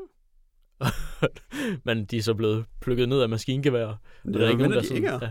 ja, Jeg ved det virkelig ikke. Og det er... Det, det var sådan, hvad skal man sige, kulminationen af alle spøgelserne, som man ikke rigtig Ja. ja. ved, om er ægte eller ej. Så er det det Ja. ja. der kæmpe dødstog. Men det er så også en stor del af, af forfatterens historie, at han, øh, da han var journalist, skrev om det der, det der blev til Chiquita-bananer, som Ja. ja. dræbte en masse. okay. Ja. American et eller andet fruit company eller sådan noget. Ja. Som dræbte en masse arbejdere i, i den by. Fordi, ja, okay. På en bananplantage. Ja. Fordi de strækkede, og det måtte de ikke. Det lyder desværre som noget, der kan forekomme i virkeligheden. Ja. Så det skete nok i virkeligheden. Ja. Og i bogen, der øh, er der også advokater, der kan bevise, at bananfirmaet aldrig har eksisteret. Ja. Så tror alle på det. Det er rigtigt. Øh, vi skal til at runde den her, den her bog af, og så åbne op for noget lytterpost. Så Dan, hvilken anbefaling kan man give omkring det her? Øhm, Læs den to gange, eller skal du holde din kæft? Måske det. Altså som sagt, jeg har kun læst den en gang. Ja. Øh, hvis man vil gerne læse noget magisk, realistisk litteratur, så tror jeg, den er et rimelig godt udgangspunkt. Øh, og jeg, jeg var, øh, jeg, jeg kunne rigtig godt lide, altså første, den første tredjedel i hvert fald, og så gik det sådan lidt op og ned. Øh, men som Jack han siger, så kom der igen i slutningen en, øh, ja, en slags værdig slutning. Og jeg har faktisk lyst til at læse den igen. Fordi, som du også siger, at man føler, at der er så meget, som sådan foregår omkring en. Og man ved ikke helt, hvad man skal holde fast i. Det vil man bedre vide anden gang. Ja, man føler sig lidt lille, når man læser den. Um, og det kan også være lidt svært, når man kaster sig ud i noget, som omhandler en del af verden, som jeg personligt ved altså meget, meget lidt om. Og jeg sidder, i hvert fald i starten, så sad en fornemmelse af, burde jeg sætte mig ind i den her, inden jeg læste den. Og det valgte jeg så ikke at gøre. Uh, og så tænkte jeg, det er sikkert ikke vigtigt at vide noget som helst om Central- og Sydamerika. Så det var mit udgangspunkt. Det ved jeg heller ikke, om det er. Altså, jeg ved ikke, om det vil blive bedre af, at man kunne korrelere det mere til Colombias egentlige historie. ja, det, det tror jeg ikke Jeg umiddelbart. tror ikke, det bliver altså. mere relevant for mig i hvert fald. Nej, Jeg netop. Altså, jeg, jeg valgte også bevidst ikke at, at prøve at sætte mig ind i omstændighederne, fordi at jeg vil gerne bare læse fortællingen, og så forhåbentlig forstå den. Og jeg har ikke noget forhold til Colombia alligevel. Nej. er nok bedre chancer for at få det bare at læse bogen. Det skulle man tro, ja. Yes, godt. Men så synes jeg, vi skal se på, øh, vi har i hvert fald tre øh, omfattende stykker lytterpost, som vi jo øh, meget gerne vil, øh, vil læse op nu. Det sidste lytterpost. Det sidste Verdens lytterpost her. sidste lytterpost. Det er det. Øhm, det første er fra Thomas Sørensen med overskriften En art metrisk funderet afsked og et afbud. Kære podcaster. En æra er slut. 10 dekader med snak. En ode er fortjent, her hvor stikket i træk. Nu skilles vi må. Som Titanics elskere vi klynker. Dog er jeg i tvivl. Er det mig eller jer, der synker? Tilbage til sagen. Måske skulle man bore i den lange, lange snak i gær som roer. Man kunne også rose dans evner som tegner. Ved siden af ham, Remme Hernandez vel blegner. Sidst nævnte i øvrigt et navn, jeg ej kendte, før I i min retning en fin podcast sendte. Således blev ofte min verden lidt større af at lytte til jeres forbandet lange smører. En hulemands fetish vi fulgte opstå, at Dan vinder en cagefight, vi stadig hæpper på. At Catwoman-filmen for ynkelig er, vi lærte i podcasten, der handlede om bær. Jeg vedhæfter til slut min lille protest over, at jeg ej selv kan komme til Nordvest. Min reol har fået et nyt lille medlem. Hemingways havbog er kommet med hjem. Jeg ville være kommet, men vi venter på en stork. Min fyre, I have a plan. I can finally walk. Jeg håber, I får et lækkert farvel. Adieu, sayonara. Pas godt på jer selv. Ej, flot. Det var smukt. Thomas Sørensen. Ja, det var smukt. Det var det. Det vil jeg sige. Der er jo mange gode øh, små referencer. Det må man sige. Vi havde, havde vi en uh, podcast om bær? Ja, det havde vi. okay. Uh, godt, vi er slut nu, altså.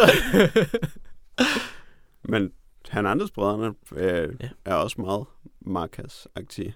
Ja. Synes jeg. De der Palomar-historier. Ja. De virker meget Macondo-inspireret. det er sådan set rigtigt. Så hvis øh, det er noget, som for alvor har fanget din interesse, Thomas, så, øh, så kunne du da godt læse 100 års ensomhed. Den Ja. passer også godt til det der billede af alle dine blærerøvsbøger, Ja. som du vedhæftede i e-mailen. Kan du komme med nogle highlights? Tror du, de er udvalgt, sådan, så vi vil øh, falde for dem? De virkede i hvert fald påfaldende klassiske. Sådan skal det jo være med sådan en, øh, en bunke bøger. Det er i hvert fald ikke alfabetisk rækkefølge, det kan jeg se. Men det var øh, Ja. en flot afsked. det var Det synes jeg. Det er Ja. ja. rigtig smukt. Den kan, næsten, den kan stå for sig selv. Det synes jeg, den kan. Men tak for den, Thomas. Øhm, så har vi fået et brev fra Christian Bavnvig med overskriften Fortryd og muld. Kære Jack, kære Anders og allerkæreste Dan. Den 7. maj var sådan en mærkelig dag. Her lagde jeg afsnit 11 af min podcast, Virkelighed der dækker, på nettet. Afsnittet var et temanummer om anbefalinger og gik i al sin enkelhed ud på, at min medvært og jeg sad foran mikrofonen og gav thumbs up til forskellige ting. Min første anbefaling gik til DDKK podcast. Samme dag lagde jeg afsnit 97 af jeres podcast på nettet, og her afslørede I, at I stopper podcasten. Helt ærligt, for helvede, som vi siger i Aarhus. Drenge, det må vi sgu ikke. Seriøst. Kan vi ikke aftale, at I bare holder en pause? Måske en overlov? Den må godt vare i lang tid, men I skulle nødt til at love, at I kommer tilbage. Hold fri et år. Oplev noget nyt. Se verden. Plant nogle træer. Men I skulle da nødt til at komme tilbage. Og fortæl os lige, hvorfor I ikke orker mere. Og nej, det er ikke nok at konstatere, at 100 er et rundt tal.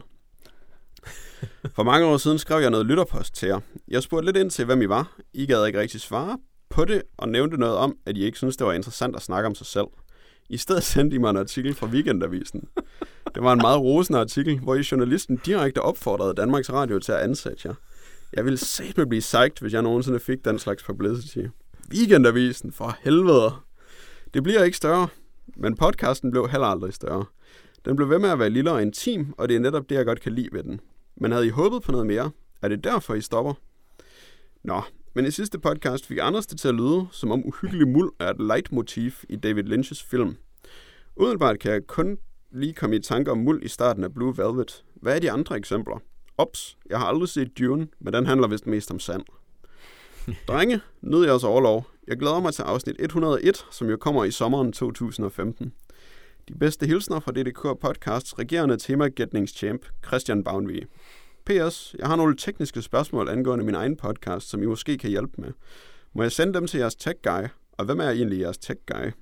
Men tak for det brev. Ja. Det vil vi rigtig gerne hjælpe med. Ja. Vi skal lige finde ud af, hvem der er tech guy er. ja. Men øh, det er da ikke noget problem. Det vil vi rigtig gerne. Og så vil jeg sige, øh, at øh, han, du bør da se June. Det er der ingen grund til ikke at gøre. Og så var den rimelig dårlig.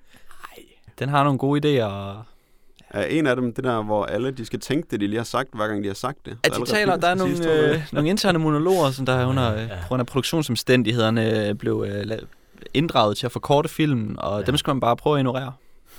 så når der bare er lange passager, hvor han bare siger, Carl McLachlan siger, water, what does it mean? Water. Så skal man, øh, Så kan man gå, ud og, ja, gå ud og pisse eller sådan noget. um, og med hensyn til, øh, til muljord, så tænker jeg faktisk mest på øh, Eraserhead i forbindelse med det, som op, der optræder der en del af sådan noget, øh, de her grove muljordsteksturer, og det virker som noget, der sådan er tværet over hele filmen. Um, det, det gør sig rigtig godt på sådan en sort-hvid. Jeg husker en lille, en lille dynge af muld med en øh, halv hjertehalskæde og en lille seddel, hvor der med rødt står Fire Walk With Me. Men det er jo en anden film. Men det er David Lynch. Det er det også. Så det er Og også en uh, Twin Peaks uh, muld. Ja. Ja. muldklat. Og så er der selvfølgelig den nævnte uh, Blue Velvet, hvor det er sådan en dynge muld på, på en radiator. Og så zoomer de ind på det, og så pludselig er de i den her scene, hvor hende der, hun Ja. ja. står og synger. Ja. Det er også ret fedt. Det er rigtigt nok. Øret i Ja. starten ligger også i noget muld. Hvad for noget? Øret Øret, ja. ligger i noget muld. Nå ja. Ja, puha. Men det er stadigvæk Blue Velvet. Men jeg tror godt, det kan betale sig at se dem alle sammen uh, forfra, og så kigge efter muld, simpelthen- mulddynger. Kig efter muld. Virkelig også, som der er noget muld et eller andet sted i Mulholland Drive. Jeg kan ikke lige Muld? komme på det. Holland Drive. Der var det. Sådan. Muld at heart. Ja. Ja, det er rigtigt. Men vi skal, lige, øh, vi skal lige fortælle, hvorfor vi ikke orker mere. Hvorfor overgår du ikke mere, Jack? Øh, Eller øh, stopper du, fordi at, øh, at, øh, at det har været en fiasko? Hvis det havde været en større succes, ville jeg have haft nogle andre overvejelser omkring, hvorvidt jeg skulle stoppe. Så ville der have været noget andet på spil, end der er. Men lige nu der er det ikke så meget et spørgsmål om ikke at orke mere, så det er et spørgsmål om, at det er for let at lave. Det udfordrer ikke mig nok at lave den her podcast. Mm. Jeg føler ikke, at der er noget, som jeg kan... Der er ikke så meget mere, som jeg kan lære, eller som jeg kan udfordre mig selv til at gøre med den. Og så er der jo ikke nogen grund til at gøre det. Nej. Jeg gør det jo ikke for andres skyld. Det var det. Dan, vil du øh, uddybe, eller? Man har jo oparbejdet på de her mange, mange afsnit en rutine, som der jo er ligger lige for. Ja. Man ved, okay, mandag så skal man se film, og så onsdag skal man optage podcast eksempelvis. Ja. Øhm, og så, man, øhm, altså, så ved man præcis det, og så har man et mønster, og så følger man det. Og øhm, ja, så er der ikke mere, som Jack han siger, altså, så er der ikke rigtig mere, man, man, man kan lære på den måde. Øh, jeg, jeg, det er ikke fordi, jeg vil hævde, at vi er en slags øh, podcast Da Vinci'er, der sidder og øh, er de eneste nu levende renaissance-mennesker. Det er slet ikke det. Men det er bare, at nu har vi prøvet det her nok til, vi ved, hvordan man gør det. Mm. Og øh, Og det er jo ikke for at sige, at der ikke er mere, der kan gøres på Nej. en podcast. Vi kan bare ikke det. finde af at gøre mere. det, ja, det er nærmere det. Altså, nu har, vi, nu har vi gjort det her, og vi ved, hvordan man gør det. Det er Hvad, det. hvad så? Og det er jo, man kan sige, umiddelbart virker det utroligt kaotisk, det der foregår omkring en podcast. Og det er jo ikke fordi, at vi ved, vi forstår ikke alkymien i det, men vi ved, at hvis vi gør de her ting, altså vi sætter os ind i et rum og trykker play og går i gang med at tale, så sker det her, og så er der en podcast. Og det kan vi gøre rimelig sikkert efterhånden, og, og så bliver det til en, endnu en DDKK-podcast. Og så har vi set, eller hørt, eller læst, eller spillet noget nyt, som Ja. nogle gange udvider ens horisonter, og nogle gange virker som altså et desillusionerende, frygteligt spild af tid. Det er rigtigt. Det, øh, dem har der også været nogle af jo. Og man kan sige, at en af mine overvejelser har jo nok været, at altså, vi fandt ret hurtigt ud af, at, at formen på en god podcast, det var at gå efter den gode stemning og at være godt selskab. Og det er måske også noget af det, øh, ja, noget, noget af den kritik, som, som man har fået. Ikke? Vi startede måske ud lidt naivt med at tro, at vi kunne, vi kunne bruge nogle af vores øh, akademiske analysemodeller til at åbne op for nogle af de her sådan, øh, øh, hvad kan vi kalde det, øh, pop, popkulturelle fænomener, og så ligesom prøve at udbrede dem og prøve at retfærdiggøre dem og prøve at tale om zombier på en mere intellektuel måde, end mange andre gjorde, eller hvad det nu kunne være. Ikke? Mm. Øh, og det var slet ikke det, folk ville have. Det var heller ikke det, vi selv ville Og det var egentlig heller ikke det, vi selv, og vi kunne godt mærke, åh, nu har vi optaget sådan en rigtig lang snak omkring et eller andet lort. Ja. Øhm, tre ja, franske kunstfilm, og altså, det er jo slet ikke lige så, lige så sjovt som at have en hyggesnak omkring nogle roer. Øhm, og så, så, så, så gled podcasten over i den, i den, øh, i den rille, som hed øh, sådan en hyggesnak. Ja. Og det er jo også vildt behageligt at mødes og lave en hyggesnak på den her måde. Men nu har, vi, nu har vi gjort det. Og hvis vi skulle lave noget andet, så vil jeg mene, at så skulle det være noget helt andet. Man kunne ikke bare sådan begynde at ændre det en lille smule. Så det giver mest mening at bare stoppe. Ja. Og så hvis man laver noget nyt, så laver man noget helt nyt. Som top dollar siger The Crow, the idea has become an institution. Så vi skal brænde endnu mere. Nå ja, i stedet for, i stedet for at lave et bål, så laver vi et kæmpe stort bål. Ja. Så var der en podcast. Der har vi en kæmpe stor podcast. Men ja, havde vi håbet på mere? Det ved jeg ikke. Det, Jeg håbede på det. Jo. Ja. Fordi det, altså, det er jo gratis at håbe. Mm. Men det er jo, men man bliver jo først skuffet, når man regner med, at det kommer til at ske. Ja, der er jeg tror, jeg, jeg havde ikke nogen forventninger til, hvad der ville ske. Det ville have været fedt at få 50.000 lyttere, og alle råbte vores navne på Rådhuspladsen, hver gang der udkom en ny podcast. Det ville have været fedt, hvis øh, Danmarks Radio var kommet til os på deres grædende knæ, og havde tækket os om at øh, fylde deres sendeflade og tage alle deres public service penge. Så, Men man havde jo ikke regnet med det, så det er da også lidt lige meget, at det ikke er sket. Ja. Og der er meget andet, som man har fået ud af det. Ja.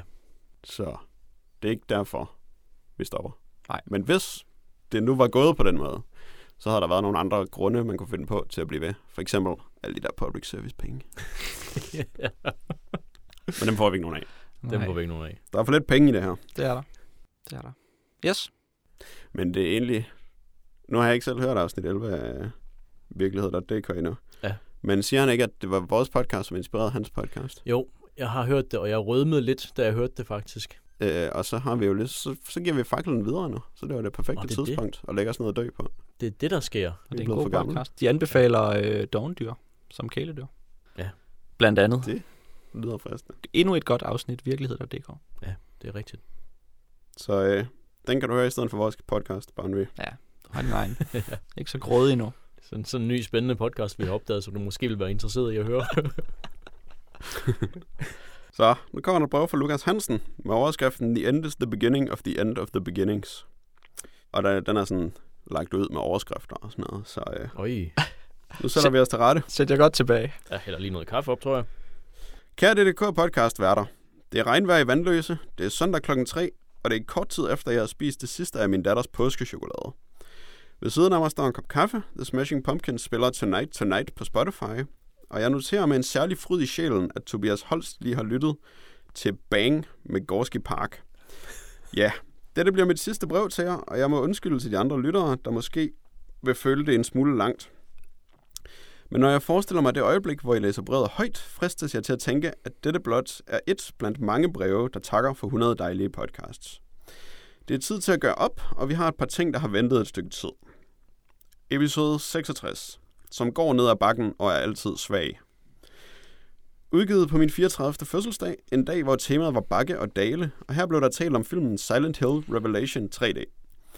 Anmeldelsen er hyldende morsom, især Anders opgivende forsøg på at genfortælle filmens handling. Det er noget råd, både filmen og jeres genfortælling, og det er et godt grin værd i sin helhed. Jack beder jo om, at jeg skriver et brev og forklarer, hvordan det hele hænger sammen. Det har vi slet ikke tid til. Især ikke jer, da I skal være færdige på et par timer. Men der var dog en ting, som I ofte kommer rundt om i jeres anmeldelse, og det vil jeg gerne tiltale. Det er nemlig Pyramid Heads rolle i filmen. På Sindssyge Hospital, Sindssyge Anstalten og i den afsluttende kamp med Hellraiser 3 Cenobitten, Claudia Wolf. Man får faktisk at vide, at Pyramid Head er Heather Alyssas beskytter, og selvom det var tydeligt for mig, føler jeg, at I overser dette i jeres læsning af filmen. På den måde er han proxy for Alyssa i filmens sidste kamp, og derfor kan hun sådan set bare sidde og være så skræmt, som hun vil. Good old Pyramid Head gør nemlig det hårde arbejde for hende. Hvem der bare havde sådan en ven. 3D Mannequin Monsteret og Vincents rolle i filmen. Ham der om prinsen i hans solo-vesten, som vi senere har lært at kende som Jon Snow i Game of Thrones. Vil jeg uden tøven skrive på producernes regning, som noget ævl en udeforstående smider ind i filmen for at ramme et større publikum. Måske tager jeg fejl, men jeg ledes til at tænke på anekdoten om Superman Reborn fra An Evening with Kevin Smith, hvor jeg forestiller mig, at noget tilsvarende absurd er sket i produktionen af denne film. Det er i hvert fald elementer af filmen, som jeg vælger at se bort fra, når jeg husker den. Ja, det er jo lang tid siden nu, men jeg føler, at de fortjente et svar. Jeg nød filmen som en fanboy af spilserien. Som Jack og Dan begge er inde på, var det jo fedt at se elementerne fra spillet levende gjort i filmen. Ukritisk og overfladisk over for mediet vejer, og det skammer jeg mig da lidt over. Lidt. Og så har jeg jo sidenhen lært at være yderst forsigtig med, hvilke film jeg anbefaler til jer drenge. Episode 60. Tragiske master, masker i en lystig dans. En ting, Anders gerne vil have styr på i anmeldelsen af Vi for Vendetta, er de der franskbrødsæg, der vender tilbage flere gange under filmen. Jeg kan ikke huske, at en anden lytter har skrevet ind med en forklaring i mellemtiden. I hvert fald ikke den forklaring, jeg giver på det. I min læsning af filmen er de gentagelser, motifs, der bliver sat op for at understøtte Eves endelige beskrivelse af V, da hun sender ham afsted i undergrundstoget. Finch. Who was he? Evie Hammond. He was Edmund Dantes, and he was my father, and my mother, my brother, my friend. He was you and me. He was all of us. He was toast. Det er altså ikke noget overnaturligt eller usædvanligt for Dietrich Stephen Fry, når han laver æg til morgenmad. Det er bare den slags morgenmad, han altid laver til alle de rebelske unge damer, som han beskytter, forud for at sætte sin tv-karriere over styr. Men når vi laver den samme morgenmad, er det en metafor for, at han er en del af alle menneskene. Det er på den måde, at vi bliver vist, at vi ikke er et rigtigt menneske, men en idé. Og husk nu, at i den her film er idéer skudsikre, i skarp kontrast til virkeligheden. Episode 5. En femmer for dine spildte år. I åbner episoden med Anna Managuchi, Helix Nebula, efter en afslappet, hvis ikke søvndysende åbning fra Anders. En stærk kontrast. Tro ikke, at det bliver glemt. Aldrig har en podcast åbnet så flot. Selvom I sidenhen forlod det musikalske segment til fordel for en måske mere fokuseret podcast, så skal I vide, at det nummer har fået en fast plads i mine playlister. Varmt sæd. Anders, vi har en bøf. Det skal ud, inden det er for sent. Flere gange har du nævnt, at du ikke kan lide Edgar Wrights Hot Fuzz, faktisk blandt andet i episode 5 og 88. Jeg synes simpelthen, du skulle se den igen, og prøve virkelig hårdt på at kunne lide den. Jeg synes nemlig, den er fantastisk på sine egne helt absurde præmisser. Og den indeholder et klip, hvor Nicholas Angel, Simon Peck, leverer et smukt flyvespark i ansigtet af en gammel dame. Det er den eneste gang i mit lange liv, hvor jeg, alene på mit værelse, er sprunget op af sofaen i latter. Det er smukt, fordi det er kontroversielt. Desuden er klipningen hele vejen igennem filmen eminent, og der arbejdes flot med kameraet. Jeg håber, du kan lære at elske det. Hvis jeg ikke kan overtale dig om det, vil jeg dog trøste mig med, at du til synligheden også godt kan lide Garden State, en film, jeg i hemmelighed holder af, men prøver ikke at sige det til for mange i frygt for offentlig ydmygelse. og så er det altså rart at høre Mr. The Boundary kaste rosende ord efter jer i episode 11 af hans podcast om udkants Danmark. Den kan jo findes på virkeligheden.dk. Ligesom ham har jeg altid følt fornærmet fornemmelsen af at have mine gode venner med mig, når jeres podcast spillede i mine ører. Det har været dejligt, men en enkelt gang har jeg dog også frustreret hævet ørepropperen ud midtvejs i en episode, og tænkt, at jeg meget hellere vil have jer i kød og blod. Altså, ja, ikke sådan i en seksuel forstand, vel? Det er vist tid til at rømme så mildt og blive færdig med brød. Dette er et afslutningsbrev, og det fortjener også sin egen ende. Som tak for de fire års underholdning har jeg købt jer en lille gave. Der er en til hver af jer, og endda også en enkelt til Mads Alexander Borgbjerg, det lækre væsen, da han jo er en del af podcasten på samme måde som det stykke legetøj, der ofte følger med en pakke cornflakes. Jeg har gaven med til jeres episode nummer 100, den 14. juni på Bogtrykkervej 20, hvor jeg også har sat himmel og helvede i bevægelse for selv at kunne deltage. Vi ses der. Venligst, Lukas.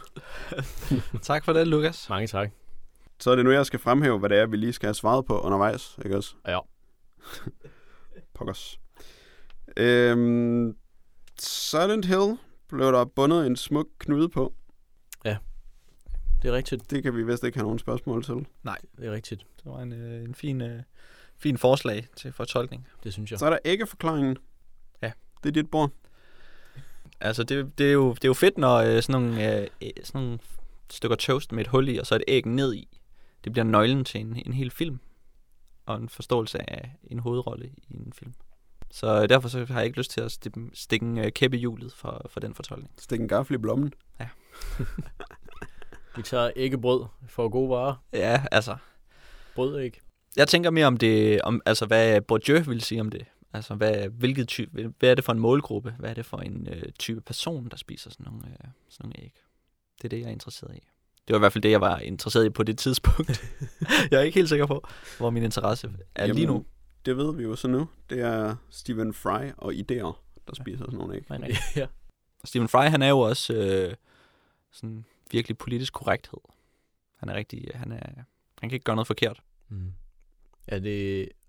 Er, er æggene meget politisk korrekte, tænker du? Nej, det synes jeg ikke. De repræsenterer jo et fros, for hvad sker der af det stykke toast, som man ikke benytter? Og det har jeg overhovedet ikke tænkt på. Det jo ud. Ja, det er jo...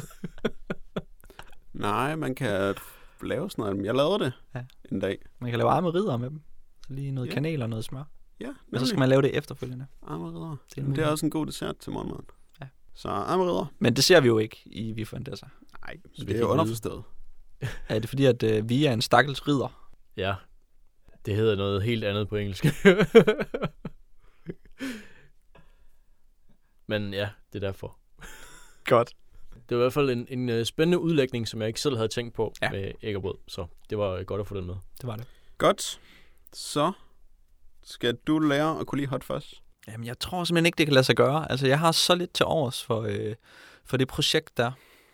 Um, det, øh, ja. Altså, Shaun of the Dead var en fantastisk film med den her øh, sådan lidt punk-tilgang til den, til, til den gakkede komedie, og med det her, det her twist af ja, Joss Whedon-nørdethed på en eller anden måde. Ikke? Um, og jeg synes bare, at den der punk-attitude, den forsvinder fuldstændig ud af det. Og så bliver det småborgerligt. Falder i den gale grøft. Hvad med et flyvespark i ansigtet på en gammel dame? Jeg synes ikke, at det har nogen kant. Ikke den måde, som det, som det bliver sat op på i den film. Jeg er ikke, øh, ja. jeg er ikke fan af det, de laver efter øh, Shaun of the Dead. I forbindelse med Simon Peck, så havde jeg en, øh, så gik der en sjov pros op for mig forleden dag. Hvad er det, han hedder, ham der fra The Office? Gervais? Ricky Gervais. Jeg tror, at jeg har gået og troet, at det var ham, der var med i Shaun of the Dead i sådan virkelig lang tid. Og det er Okay. derfor, jeg aldrig rigtig ved, hvem Simon Peck er. Fordi så tænker jeg på ham, men så tænker jeg på Ricky Gervais, og så tænker jeg, det er jo Ricky Gervais, så hvem er Simon Peck?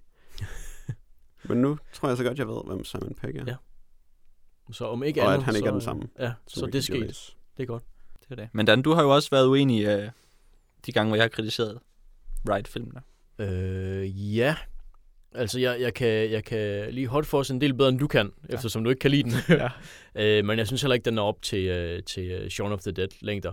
Nej. Øh, jeg synes også, det er, nogle, altså, det er en interessant måde, du ser på, at den første er en, en punk-rock udgave af zombie-komedie, hvad, hvad man nu vil kalde det, hvor den anden, den er, den er super etableret. Øh, og der er nogle, nogle øh, jeg ser også nogle problemer i, at Simon Pegg i den første er en, en, øh, er en elskelig taber, der ikke er blevet voksen, hvor han øh, i den anden er nærmest det modsatte. En, øh, en uelskelig venner, der er alt for voksen, og som, øh, altså så, jo, så skal han så prøve at være, altså prøve at slappe af og prøve at være en body og sådan noget, men, men det er bare et udgangspunkt, der er så, så koldt, øh, så øh, ja, og der altså, der kommer der en, en, en masse ting, som ikke, øh, ja, som ikke er så organisk, som ikke er så, så den, den samme helhed som i, øh, i Shaun of the Dead. En moderne, den lyserøde panter. Ja.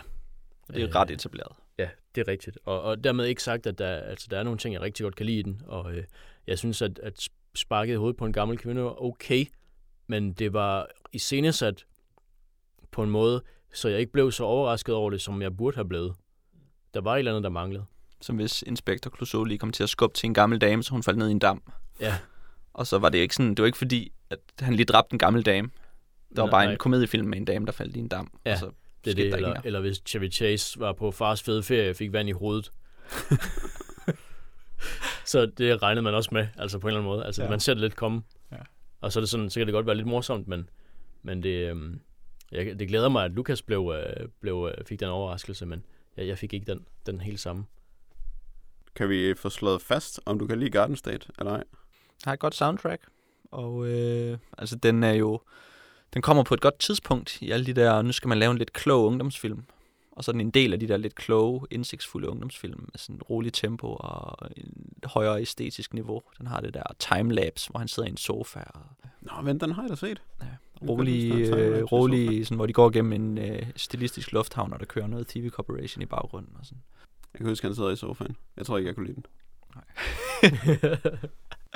Øhm, og den er fin nok. Øhm, jeg ved ikke, hvor, hvordan den ser ud i dag. Men på det tidspunkt, der var den sådan en, en del af en bølge, som jeg godt kunne lide. Lukas skriver, at han på en enkelt gang har øh, hævet ørepropperne ud midtvejs i en episode af frustration. Det gad jeg virkelig godt vide, hvad det var. Han blev så frustreret over. Jeg tror ikke, det var roe-afsnittet. Eller bær. Bær-afsnittet muligvis. Jamen, sådan er det nogle gange, når man hører en podcast, og der er nogen, der taler noget, og de forbigår noget, som man selv synes er vigtigt, Mm. og slet ikke anerkender det. Men det ville være sjovt at vide, hvad det var.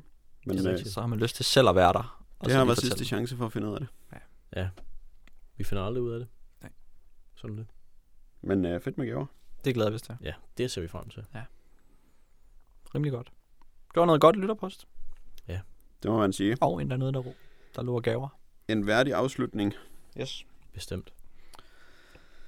Men øh, så vil vi øh, takke af med den her episode 99, og så lige lægge op til en episode 100. Um, fordi det er jo i dag, den 4. juni, som jeg sagde i starten af podcasten, og det betyder, at vi er tilbage igen om 10 dage med vores liveoptagelse på Bogtrykkervej i Nordvest, hvor vi optager omkring middag klokken 4, 15, 16. 16. Klokken 16 Mm. mm. åbner vi dørene, og så en halv times tid efter optager vi en podcast, som vi regner med cirka skal være en times tid. Den bliver lidt øh, strammere sat op. Fordi man kan ikke sidde og tale til folk i to timer og 24 minutter, som vi lige har gjort, Det kan man ikke byde folk jo. uden at det bliver et slags levende helvede. Um, så det vil vi prøve at undgå. Uh, og så derfra, så byder vi selvfølgelig på, uh, på forfriskelser, og der vil også være mad, og det bliver en fantastisk fest. En fantastisk fest, ja. Ja. Um, yes, og ellers så uh, udkommer den her, og den vil så udkomme den uh, følgende onsdag, som en uh, redigeret mp3-fil. Godt. Sandsynligvis. Sandsynligvis. Nu vil vi se, hvordan det går. Men øh, ja, det var alt. For ellers tak.